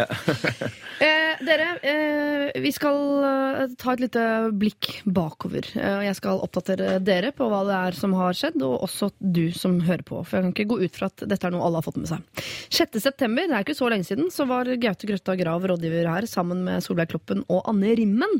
Og på et ganske tidlig tidspunkt i løpet av Lørdagsrådet da, så ble eh, Kattepus et eh, tema. Et livsfarlig tema, skal det vise seg. Eh, grunnen til at vi snakket om det, er fordi Gaute har en multihandikappet kattepus som hadde fått to barn eh, som hadde født på en låve et eller annet sted. Og det skulle vise seg at både Gaute og Anne Rimmen er veldig glad i katter. Eh, Solveig Kloppen derimot og er ikke så glad i katter. Og jeg er mer sånn eh, litt av og på. Jeg er glad i katter, men jeg mener jo å påstå at det er et dyr. Eh, oss, vi skal, først, før jeg går videre på hva det er som viser seg å bli problemet, så skal vi bare spille av det som ble sagt. Hør på dette her. Du er fortsatt gift, har to unger. Og, Tessa har En til på vei? Nei, nei, men, Åh. men ikke langt unna. For katten vår har fått kids i natt. Nei, det er ikke snorket i det hele Snorkorama. tatt. For hør her, katten vår den har jo det heter Lille Miss, og den har nesten ikke føtter. Hun har født multihandikappa. Ja, veldig koselig. Det Jeg har er vært ikke så bekym- glad i katter, jeg, må jeg innrømme. Merka du hvordan stemninga ble? Ja, unnskyld, men jeg, jeg syns det, det der at de plutselig bare står der uten å lage en lyd, Ja. syns jeg er uh... Det er som en stor, hårete kakerlakk. Vil du se bildet? Nei, det er det ikke. Nei, det er ikke det. Jeg, jeg har jo hatt katt. Jeg. det jeg fikk barn, så kverka vi katta, for da så vi ikke poenget lenger med å ha katt. For jeg tenkte vi at det fantes jo noe så mye mye koseligere, nemlig barn. Det kommer du til å erfare etter hvert, Ane. Nei, det, det tror jeg ikke noe på. Dette ble sagt. Dette var, ja, Jeg saumfart hele den eh, sendingen av Lørdagsrådet. Dette er det slemmeste som ble sagt om katt 6.9.2014. Og dette har vært reaksjoner. Eh, Ja, for katt skal man tydeligvis ikke tulle med, har jeg skjønt. Folk klikker. eh, Og eh, på Facebook er det en lang tråd med eh, damer da, som har klikka på det som ble sagt om eh, katt. Og jeg har jo lenge bedt folk om å gjerne diskutere på Facebook de tingene vi snakker om her på sendinga, om de er enige eller har tilleggsråd eller ting vi sagt de mener er feil osv. Så, videre. så jeg er for så vidt glad for engasjementet. Jeg setter bare spørsmålstegn ved hvor det dukker opp. For jeg har bedt tidligere folk dumpe kjæresten sin. Jeg har bedt folk dra hjem fra studiet i utlandet. Jeg har bedt folk droppe kontakt med sin egen familie. Ingen bryr seg. Men så kommer dette med, eh, med katter opp, og da koker det på Facebook fordi folk mener det er direkte slemt av kona til Gaute Grøtta Grav, som jo er veterinær, å ikke sterilisere katten sin. For det med altså øh, øh, overbefolkning av katter på moder jord er visst et kjempeproblem. Og øh, jeg så er bra at vi sprer engasjementet vårt, jeg, altså, men jeg mener at det er ikke her vi skal legge energien, hodene eller hjertene våre. Lørdagsrådet prøver å hjelpe folk, først og fremst. Folk på to bein. Skal Ikke folk på fire. Nei, ikke først og fremst folk på fire. Mener dere, basert på det jeg nå har sagt, og det dere har hørt, at jeg skal legge meg flat? Fordi du har sagt at barn er hyggeligere enn katter. Og, og så sa du jo kanskje også at de var hårete kakerlakker. Men Ja. det var det slemmeste. Jeg hørte Du noe sa annet. også, uh, minnes jeg klart og tydelig, at du kverka katta da du fikk barn. Ja. Og det er jo De fikk profesjonell hjelp til å kverke katta. Ja. Det gjorde det. Var de Ja, det eller var det strømstol? Eller? Strømstol. A-gjengen. Nei, det var eh, veterinærer. Altså, jeg er jo veldig glad i katter, men jeg er ikke så glad i katter at jeg hater mennesker, sånn som noen kattefolk gjør. Mm. eh, dessverre. Men eh, du kunne jo ha gjort sånn som jeg fikk jo en gang en katt som het Sushi, eh, fordi at en venninne av meg var gravid. eh, og dermed ikke ville ha katt lenger, fordi det var barn i bildet. Ja. Eh, dermed ga bort katt. Du kunne prøvd å gi bort katt istedenfor Ja. å kverke katt. Du må Men det ikke er det drepe alt man ikke vil ha lenger. Nei, Det er det eneste innspillet jeg har. Ikke drep alt. Bruk- og kastsamfunnet har kanskje gått litt langt? Er det det du prøver å si? Ja, må jeg kvitte meg med den tomatplanten. Faen, jeg skal injisere så mye gift i den. ass. Det skal sies at katta var 17 år og gikk rundt og peip. Nå hadde det ikke bra med seg. Så jeg ga ikke sjekk om Da han var- faktisk var sjuk, beste men han du virka sjuk. Ja, men da var det jo faktisk veldig medmenneskelig. Med katt, med Medkattelig, ja. Jeg liker ikke katter. Nei. Eh, Jeg Hvorfor ikke? nei, jeg respekterer andre som liker katter, og jeg respekterer katter også, men jeg vil ikke ha noe med det å gjøre. Ikke. Sånn tett på. Jeg vet ikke, jeg har alltid hatt en sånn kattefobi, da. Katter og duer. Eh, Jeg må liksom Duer, gå over på andre sida av veien hvis det kommer en katt eller due mot meg. Er det Ja. sant? Det kan jo være problematisk. Hva tenker du at kommer til å skje på det verste? Eh, At katten hopper på meg, Ja. eh, klorer ut øynene mine og Spiser innholdet og sånn? ja, rett og slett går til angrep. Og duer er samme frykten? Duer eller? kan sette seg på meg. Hvordan Hakke, hakke på deg. Ja, nei, det er helt den er irrasjonell forbi, men den er helt uh, Hvis det kommer en duesverm, så er det ofte at jeg bare må slenge meg ned på bakken. Oi. Oi, det vil jeg gjerne se. Hvis du eh, står på én side av gaten, og så mhm. ser du en katt som er på vei over gaten til deg, hva gjør du da? Løper du da over, tvers over den andre veien og kommer deg til den andre siden? Ja, jeg, jeg vil gjøre rømme. Ja. Men, er, men det er forbi? Du Det har er forbi. forbi. Ja, ja. Har du, har du fått sånn- hjelp, liksom? Er det på det hakket? Nei. Nei, det, Men den er en rasjonell fobi i større grad enn eh, folk som har edderkoppfobi, som jo veldig mange har. Fordi jeg vil si at katt og due er farligere enn edderkopp i Norge. men det er ikke farlig. Men altså, det, Det finnes ikke noen sånn dødelige duer eller edderkopper. Nei, ikke ekkelt å få en due i hodet. Ja, det er det er ja, det er ekkelt. Det er ekkelt å få en due i hodet. Eh, Men altså, helt sånn eh, Jeg syns ikke at jeg skal beklage noe her, men eh, jeg gjør det hvis flertallet Eh, jeg syns at eh, alle disse hunde- og kattefolka Jeg er veldig glad i dyr, men de må skjerpe seg litt. Må ikke brenne, ha så brennende engasjement eh, overfor disse tingene. De, okay, de, visste, de, eh, de visste tydeligvis ikke at katten din var litt uh, gåen. ja, Det de er først og fremst sinna på, er at ikke eh, kona til Gaute Grøtta Grav har sterilisert katten sin. For hun vet jo at det er okay. allerede for mye katter på Ja, det er jeg enig i. Det burde hun gjort. Ja, det burde så, og derfor så må du legge deg flatt. Ja, Legge seg flat på vegne av andre er jo det, noe av det beste jeg gjør. Det er jo for mye katta mennesker på den sjuk. jord også, eh, så vi burde kanskje sterilisere oss hele gjengen. Ja. Ja. Så, så sinnet har ikke først og fremst gått utover deg fordi du har uh, kverka katten? Nei. Nei. Men da må du, ikke Da må du ikke du legge deg flat. Hvis ikke du, det er noe å legge seg flat for. Skal jeg legge Silje flat, da? Legg Silje flat. Ok. Gjerne Stå, ta med stå oppreist, stå oppreist. Stå i stormen. Da tar jeg toget til Åndalsnes, går ut på gården til Gaute og Silje, og så skal jeg stå oppreist mens jeg sørger for at Gaute og Silje legger seg flat. Yes. Ja, Det blir en kjempefin helgetur for uh, meg. Det er uh, bra at dere sammenligner det med om det allerede er for mange mennesker på jorda eller ikke, for det er eh, det vi skal ta tak i nå uh, hvert øyeblikk. Vi skal hjelpe en som ikke er helt sikker på om hun har så lyst på barn eh, eller ikke. Men før det går til sammen med Kimbra. Dette er 'Somebody That I Used To Know'.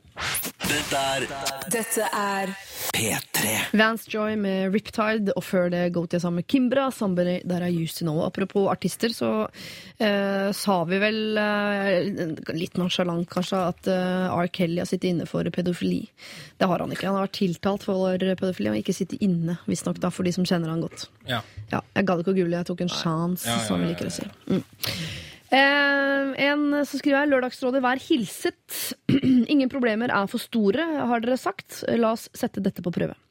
Jeg er en jente i midten av 20-årene med samboer, leilighet, Volvo og bonusbarn. I den eh, grad noe sånt er bonus. Jeg har et gigaproblem. Jeg misliker unger så sterkt at jeg ikke kan tenke meg å få egne på mange år. Samboeren har allerede to, og det holder. Jeg syns det å få barn er helt dust. Jeg orker ikke å forholde meg til tanken. Men nå er jeg gravid. Hurra for meg. Og dette er jo i grunnen ikke noe problem, da det for så vidt finnes leger som kan hjelpe meg. Men nå eh, dukker et problem opp. Jeg har en sykdom som gjør, bli, som gjør at det kan bli vanskelig for meg å få barn. Så dette kan være min eneste sjanse. Hva hvis jeg angrer om fem år? Jeg har nettopp fått ny jobb, jeg tjener mer enn hva eh, som burde vært mulig med bare grunnskole, og prøvetiden er jo et halvt år. Det er ikke lurt å komme trekkende med barnepermisjon nå. Det passer generelt ikke med barn nå i det hele tatt. Dessuten har jeg ikke lyst på unger. Dere skal ikke bestemme om denne reka inni kroppen min kommer til verden eller ikke. Men jeg vil allikevel få noen innspill. Hva hadde dere gjort? Hva slags tanker bør jeg ha vært innom før jeg tar en avgjørelse? Hilsen Pepler hver dag klokken åtte. Hvor gammel var hun? Er hun? Eh, midten av 20-åra. Jeg syns det høres veldig kul ut, selv om en uh... Morsomt språk. Morsomt språk. Flott. Det første jeg tenker, er jo eh, at man kan på en måte ikke eh, tenke sånn Eller man må jo kanskje gjøre det, men eh, hvis man skal få dette barnet, så er det jo nå. Og det er jo ganske tydelig at du ikke vil ha dette barnet nå. Er det liksom det første som slår meg. Eh, at da burde man kanskje ikke ha det nå. Vet du hva? Jeg at det tror- er liksom, selv om man da, Men jeg kan ikke få det i framtiden. Ja, det er jo for så vidt helt eh, dritt, det, da. Men det er jo nå du skal ha dette barnet, og hvis ikke du vil ha det nå Det virker jo veldig tydelig som at du ikke vil ha det nå. Det virker jo det veldig veldig, tydelig, men det er, tydeligere blir det liksom ikke. Men, eh, men jeg syns jo det, det, det er jo sånn andres unger, egne barn-type ting. Det er jo veldig stor forskjell på de andre barna der ute, som Mm. er ekle og snørrete. Mm. Eh, når du får ditt eget, så eh, tror jeg hun kommer til å lære seg å elske dette barnet. Ja, man spiser sitt eget barns snørr plutselig. Man, Ja, altså, ja. det, er helt, det er jo veldig Ja, annen verden, ja. Men Det er jo lunsjen din. eh, Absolutt. det kan jo hende at hun, kan hende at hun tøffer seg litt. Grann. Ja, du får det inntrykket du litt. ja. Ja, jeg får det litt, litt grann. Men hun har jo da en samboer som allerede har barn. Ja. Og så er hun ikke sikker på om hun i fremtiden kan få barn. Men hun er jo ikke, hun er så usikker at hun ber oss om råd. Så hun er ikke helt klar på at det ikke skal skje. Og da tenker jeg, Hvis hun først har en samboer som har to barn, så kommer hun til å, og, og de skal være sammen, eh, som jeg da tar for gitt at hun tenker at de skal, så kommer det alltid til å være barn der. Ja. Og, og det, det må man bare leve med. Eh, og da tenker Jeg at, og er, jeg har ikke møtt noen som har fått barn. Jeg har møtt mange som har vært usikre på om de skulle få barn. Og så har de fått barn, så sier de at det er det mest fantastiske som har skjedd. I hvert fall ingen som angrer. Da tenker jeg jeg ville gått for å fått barn. jeg. Ja. For sikkerhets skyld. Hun kommer ikke til å angre. Og du er barna fra før, så hun kommer uansett ikke til å kunne leve en sånn derre jetset, eh, champagne, kanaper-liv uansett. Så Det er bare, det er bare å sette barnet ut i skogen hvis hun finner ut at Ja, ja, ja, hun ikke vil ha det likevel. Finn.no. Uh, men men uh, jeg tror hun trenger det også, fordi hun virker som hun er litt, uh, litt selvsentrert, kanskje. Eh, at hun, det er litt mye henne i livet sitt. Og Uh, hun ser litt på disse tingene rundt seg, syns det er irriterende med de andre barna og alt. Er, jeg tror hun trenger den derre opp, opp, oppvekkeren, eller hva er det heter? Oppvekkeren. Oppvekkeren. Ja. Ja, pluss at nå har jo eh, jeg bare Jeg hadde følt meg litt som en sånn eh, blindpassasjer i det hjemmet. Hvis jeg flytta eh, sammen med en fyr med to unger og den Ja. Volvoen og alt måte Jeg hadde flytta rett inn i en pakke. Ja, ja. Da hadde jeg følt meg som er fremmed. Og da er det jo virkelig liksom Jeg mener ikke at det skal være grunn til å få barn, men uh, jeg tror det kommer til å gjøre at hele den pakka plutselig føles mye mer Ja. Eh, din og mye mer bra, og plutselig kanskje du faktisk begynner å like de andre barna også, fordi du skjønner litt mer hva det dreier seg om, osv. Ja, det kan bli, det bli litt mer balanse i, Ja. i, i heimen, tror jeg. Altså. Ja. Bra for balansen i forholdet, bra Ja. for henne og hennes modenhet. Og så er det aldri noen som angrer på å få barn. Ja. Det fins fordeler og ulemper med å ha barn, men du angrer ikke. Men hun kan komme til å angre når hun er 45, og det er for sent. Ja. Ja, men jeg Men synes da ikke det, det- argumentet sant? bør veie altfor tungt. Fordi, for det? Fordi det er såpass en stor avgjørelse. på en måte, Skal man få barn nå eller ikke? Eh, Og når alt nesten peker mot det, så er det litt rart hvis liksom det argumentet om at kanskje du ikke kan få det senere, eh, blir det som vinner. Nei, men det er, Jeg syns ikke alt her peker mot det. Tvert imot. Ja. Jeg syns veldig mye peker For for, at barn. hun skal gjøre det. Ja, Ja, ja, men bare alle hennes meninger er så krasse mot det. Eh, Det virker Ja. som ganske tydelig Hvis ikke hun hadde vært gravid nå, så kunne hun aldri tenkt seg å få barn. på en måte. Eh, Og nå har jo det skjedd, altså da må man jo ta stilling til det. Men jeg bare syns den er litt vanskelig hvis det skal liksom være sånn at, um, at det argumentet er det som på en måte veier tyngst. Nei, det, Ja. er, det er ikke det som er tyngst. Framtidsargumentet som man ikke er helt sikker på, liksom. Ja, men jeg, jeg, bare, jeg lurer på om det, det språket hun bruker her, det er på en måte språket hennes, hvis du skjønner. At, det, Ja, ja, at hun snakker veldig i overskrifter, og at hun i bunn og grunn er, er litt redd for om det kommer til å funke. Og, hvert- og når hun sier Ja. ting som 'det passer ikke nå'. Nei, vet du hva? Det Passer det passer, man har aldri 24 Nei, timer ja. ekstra i døgnet å bruke på et lite Det er ikke sånn at det passer.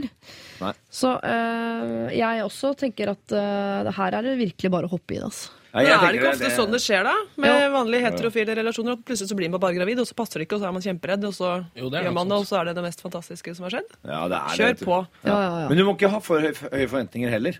Det er Til- veldig bra at hun har kjempelave forventninger til å få barn, og så bare blir det helt magisk. Istedenfor at vi nå skrur opp forventningene hennes.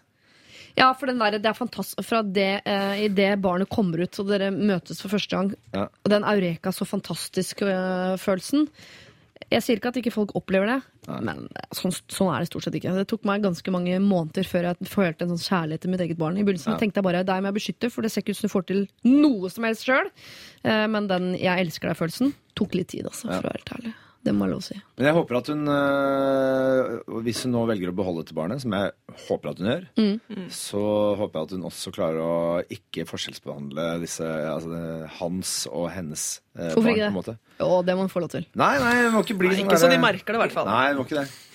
Litt, ja, ja, to De har to, en de har vært sammen? De er store, har en mamma et annet sted. Du kan ikke Man kan tenke å være kan asshole for det. Nei, nei, ikke, jeg mener ikke eh, Gud og Satan. Trenger ikke, de to rollene trenger du ikke å ta. Nei, Du jeg føler kan at det er veldig sånn at- barn Jeg føler at det sånn er veldig klassisk classic at det blir eh, en sånn forskjellsbehandling i en sånn situasjon som det er. Ja. Med sånn ste, stebarn og egen Men det gjør du uansett, for hun kommer ikke til å lage prompelyder på magen til de to store barna, eller lukte på hodet deres, for det lukter sånn gøy, gammel melk og altså, de ting der. Det blir, det forskjell blir det, liksom. Sånn er det bare.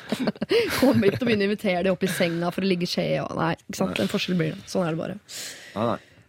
Hun kaller seg p-piller hver dag klokken åtte. Spiser hun det selv om hun er gravid?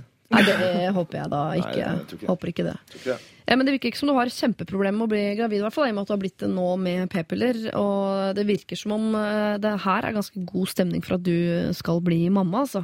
Vi skal overhodet, som du sier selv, ikke være med å bestemme i det hele tatt. Eh, Men det er god stemning for babyer her, til tross for at ingen av dere har selv. Oi. Vi vil, eh, her, Det har jeg sagt mange ganger i dag, men her eh, vil jeg virkelig vite hvordan eh, det går. Og om ikke jeg får SMS eller mail, eh, så skal jeg MMS i det hele tatt. Jeg vil vite eh, hva du bestemmer deg for, eh, og hvordan det går med deg eh, utover. eh, Med deg og denne lille familien din. Eh, LRalfakrøll.nrk.no er adressen, og det er også adressen du bruker hvis du har lyst til å sende inn et problem til dagens eh, rådgivere. Dette er Lørdagsrådet På P3. P3. Emilie Nicolas, 'Nobody Knows' eh, var det der. Og eh, hvis den stemmen din, Emilie, er til salgs, ja, så kjøp igjen. Eh, Thomas Fingeren Gulstad, du har et ekstra råd du bare har lyst til å gi i dag, uten at det nødvendigvis er noen som har bedt om det. Ja. Hva var det? Eh, ikke, ikke vær i Oslo sentrum i dag. Nei. Vær, Er det en bombetrussel? Nei, det er ikke det, men det er verre enn som så. Oh, ja. Fordi eh, noen har valgt å, å sperre av hele byen, og, eh, fordi at folk skal løpe eh, rundt i byen. eh, i noe de kaller for maraton og eh, halvmaraton. Mm. Eh, jeg syns det er ekkelt. Og det er eh, jeg, jeg ble faktisk påmeldt halvmaraton eh, for en stund siden og begynte å, å skulle trene meg opp til det. Og så syns jeg rett og slett at det bare var for døvt eh, å være med på å plombere Oslo sentrum Ja. på den måten. For du Så syns det er kjedelig å løpe, eller? jeg syns også det er kjedelig å løpe, ja. Ja. Jeg tenker jo bare på hvor mange sekunder jeg har løpt altså hele tiden. Det er, det er, tiden går utrolig, utrolig sakte. Så jeg valgte faktisk å Jeg sendte mail til Lørdagsrådet og sa jeg vil heller komme hit og snakke. Jeg vil heller være hos dere enn å løpe Jeg vil heller redde liv enn å sperre Oslo sentrum. Altså, det er jo både kjedelig å løpe, og så er det veldig kjedelig for oss som ser på det, eller som er midt oppi det. Ja. Eh, Så det er jo ingenting egentlig som er spesielt bra med det. Eh, Nei, det er, altså men, da- og det er dårlig for knærne. Ja, løpe på asfalt, mye akilleshædebetennelser. Ja. Og hele, altså, hele Oslo sentrum er fylt opp av bulge og camel toe. Og Eh, Du kan jo ikke se et Kommer- sted uten at du blir litt Så kommer byen til å være fylt opp av folk i treningsstøy i hele natt. Ja, det er akkurat det. Eh, I hele natt også. Det er Men jeg er jo ikke mot løping. Jeg synes det er helt fint Ja, men Kan man ikke gjøre det i skogen? Ja, altså, kan du akkurat gjøre det det. midt i byen. Ja, det er akkurat det. Kom Det å drite fulle folk i rosa tights i Oslo sentrum i dag. Det er klisjé å si det, men Ja. løp i skogen. Løp i skogen, et gratis og ekstra råd fra uh, fingeren der uh, i dag, som jeg syns er på sin plass her i Lørdagsrådet. Uh, vi er straks tilbake med råd basert på problemer vi faktisk har fått inn. Eh, men først skal vi høre Megan Trainer. Dette er Dette er P3. Megan Trainer var det med All About That Bass. Eh, jeg skal ikke ta en runde på det. Jeg har en tendens til å si abbor istedenfor bass når jeg skal eh, si det på engelsk. Havabbore. Ja, jeg har en tendens til å gjøre det. Jeg er ikke så stødig på det der. Seabass. Eh, vi har fått nettopp inn et problem her på e-mail, altså lralfakrøll.nrk.no, fra en jente som Altså, vi har hatt mange problemer i dag som handler om å ikke ville ha kjæreste, ikke klare å få kjæreste i det hele tatt. Her er det en som har fått seg kjæreste, og det er positivt, men det dukker opp noen problemer i kjølvannet der. Kjære Lørdagsråd, jeg er en jente på 21 som har fått min aller første kjæreste. Han er i mine øyne perfekt, og jeg er livredd for å skremme han vekk ved å bestemme over han, slik jeg stadig ser andre jenter gjøre med sine kjærester. Derfor har jeg valgt å la han egentlig bestemme alt selv, og han får lov til å gjøre det han vil, innen rimelighetens grenser, så klart. Og jeg føler det er derfor han har valgt å bli sammen med meg. Problemet mitt er han har hatt kjærester tidligere, og har fortsatt bilder av eh, henne på Facebook. At eh, han er tagget i bilder med henne, plager meg selvsagt ikke i så stor grad, men at han fortsatt ikke har slettet profilbilder og forsidebilder med henne, må jeg innrømme at jeg ikke liker så godt. Jeg tror ikke han har tenkt over det noen gang, men eh, det får meg til å lure på om han faktisk ikke er helt over henne. Jeg lurer derfor på hvordan kan jeg spørre han om å fjerne disse bildene uten å fremstå som kontrollerende og sjalu, etter at jeg startet hele forholdet med å ikke bestemme over han i det hele tatt? Har jeg i det hele tatt rett til å be han om å fjerne dem? Med vennlig hilsen jenta som er litt redd for å miste sin første kjæreste og forelskelse. Hmm. For det første så tror jeg at det ikke er noe å stresse med, egentlig. Uh, er det første som slår meg. Det, er sånn, det tror jeg jeg også fort kunne, hvis jeg hadde fått meg ny kjæreste, kunne fått funnet på å ha noen gamle bilder innpå der uten at jeg hadde tenkt noe som helst over det. Og uten at jeg syns det har noe å si heller.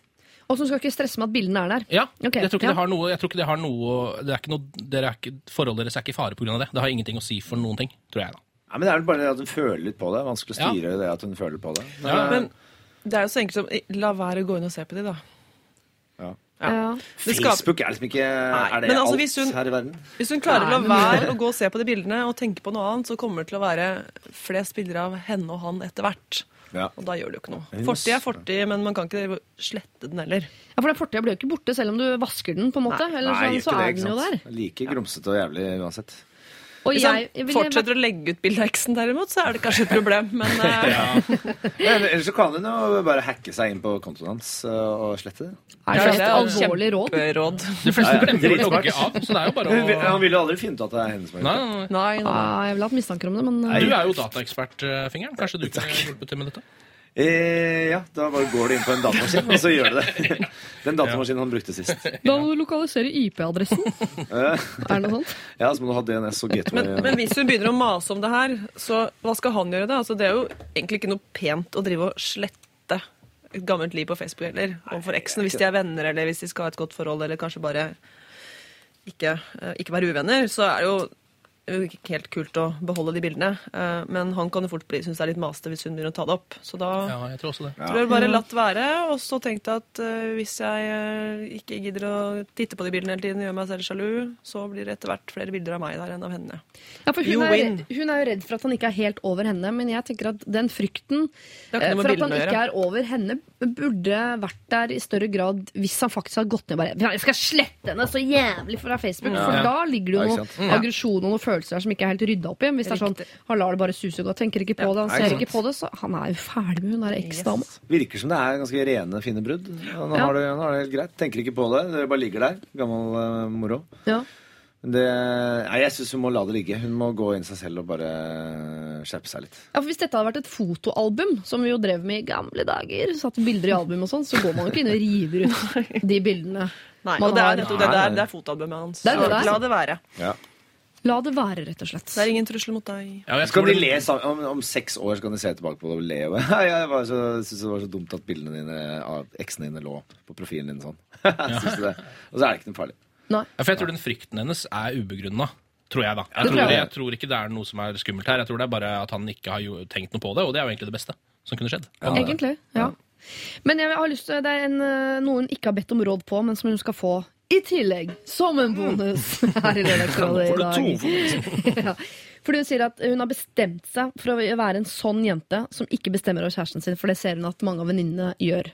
Ja. Eh, og, det, eh, og det er fint, man skal ikke bestemme over kjæresten sin, det er ikke det altså. Men jeg bare kjenner meg igjen så innmari med min eks at jeg bestemmer meg sånn Jeg skal aldri si fra noen ting, for vi skal aldri krangle, vi skal ikke være sånn par som hakker på er ikke bra, det. Man må tørre å slippe løs den indre Megga i seg innimellom. Hvis ikke så er man så lett å tråkke på, på en måte. Eh, Du kommer til å bli råtne på rot innvendig hvis du aldri tør å si fra om noen ting. Men bare er sånn sånn Alt er greit, du bestemmer, jeg bryr meg ikke, gjør som du vil. Det er jo ingen som vil ha ikke. en som er sånn. Nei, det Man vil jo ha en som sier en imot og som sier fra og er litt tøff, da. Ja, han vil ha mora si. Sånn er det bare. Så da, du må være det, altså, noen ganger må du si fra om ting du ikke liker. Men det der med Facebook-bildene, det trenger du ikke å si fra om. Må du bare, det må du bare komme over. Ja. Ja, du ser ikke ut som du er enig, Thomas, i øynene dine. Jeg er eh, enig. Du liker litt motstand, ikke sant? Ja. Nå gir jeg ingen motstand til deg, da. Ja, akkurat nå. Men, Men Hjemme i jeg, eh, vet du hva? Jeg, eh, skal jeg innrømme en ting? Vi har aldri krangla. Nei. Nei, men det, vi har jo sagt fra om ting. Ja? Men det, er- vi, vi, det går liksom ikke inn på oss.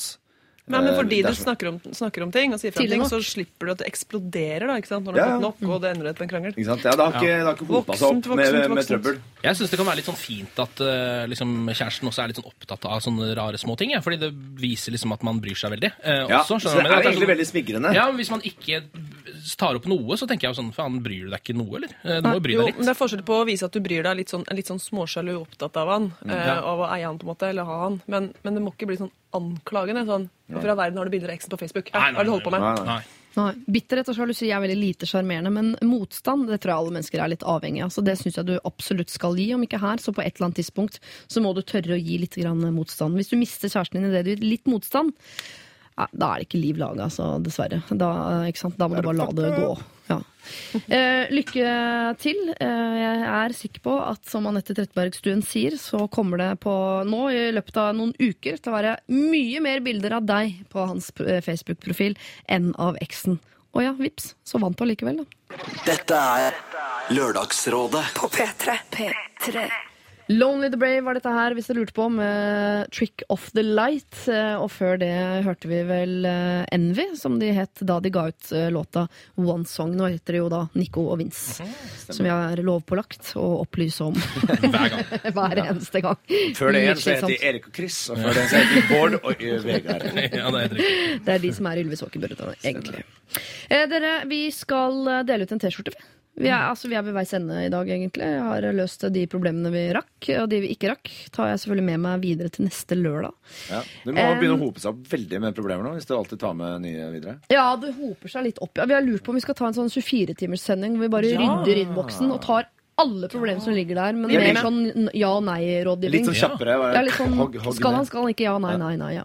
Det er litt derfor vi har laget den appen også, Lørdagsrådet Ekspress, for at hvis det er noen sånn ja-nei-relaterte problemer der ute, kan ta det med appen. eh, Jeg syns kanskje det var litt drikkfeldig, den appen. lite Hei, hei, hei, hei, hei, hei, ja. Ta det på kammerset. Ja. Ok, ok. Eh, dere skal dele ut en T-skjorte, eh, og dagens eller morgenens kandidater er eh, Vi startet med Smoothiejenta og Snorkejenta. Eh, Ja. De kan få, men Da må vi sende to T-skjorter, men det er jeg villig til å, å gjøre i dag. Um, så uh, fulgte vi opp med litt sånn søskenbitterhet. En storesøster som er litt bitter på lillesøsteren sin, som har vært eh, litt sånn mentalt syk hele livet. Nå er hun plutselig så innmari glad, og da må alle bli med på det. Uh, så hadde vi en fyr som ikke er så interessert i å dra på familieferie med mutters og fatters. Han vil dra på familie med kona si og ungen sin, og vil ikke ha med mor og far. Så har vi en jente som aldri har vært forelsket. Hun er 20 år og har aldri opplevd den store forelskelsen. Eh, slapp av, det kommer til å skje. En som lurer på om det er for tidlig å gi innflyttingsgave på innflyttingsfest til en fyr hun har vært på dealeren med i fem uker. Eh, nei, var vel rådet der. eh, så er det jo en som eh, er gravid, men er usedvanlig usikker på om hun i det hele tatt har lyst på barn. Eh, og til slutt skal man be eh, kjæresten fjerne bilder av eksen på sin Facebook-profil. Nei, syns ikke det. Hvem får til T-skjorta? Jeg syns at hun som er redd for ikke å bli forelska, Ja. kan få den. For hvis hun får på den sånn flott P3-T-skjorte, Ja. så får hun jo skikkelig drage.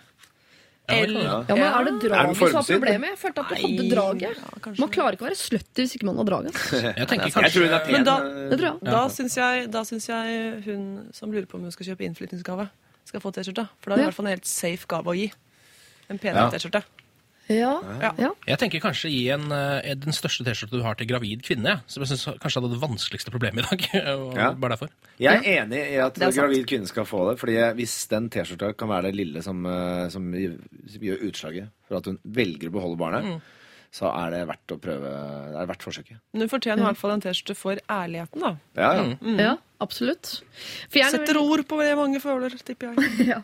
Jeg er nemlig litt skeptisk til å gi hun innflytningsjenta, for hvis hun finner på å gi den videre, så har hun sagt sånn Jeg har allerede problematisert det vi driver med, og sendt inn til radio. Det kan bli litt ja, seriøst ja, for ja, å ja. Men da blir det gravid kvinne.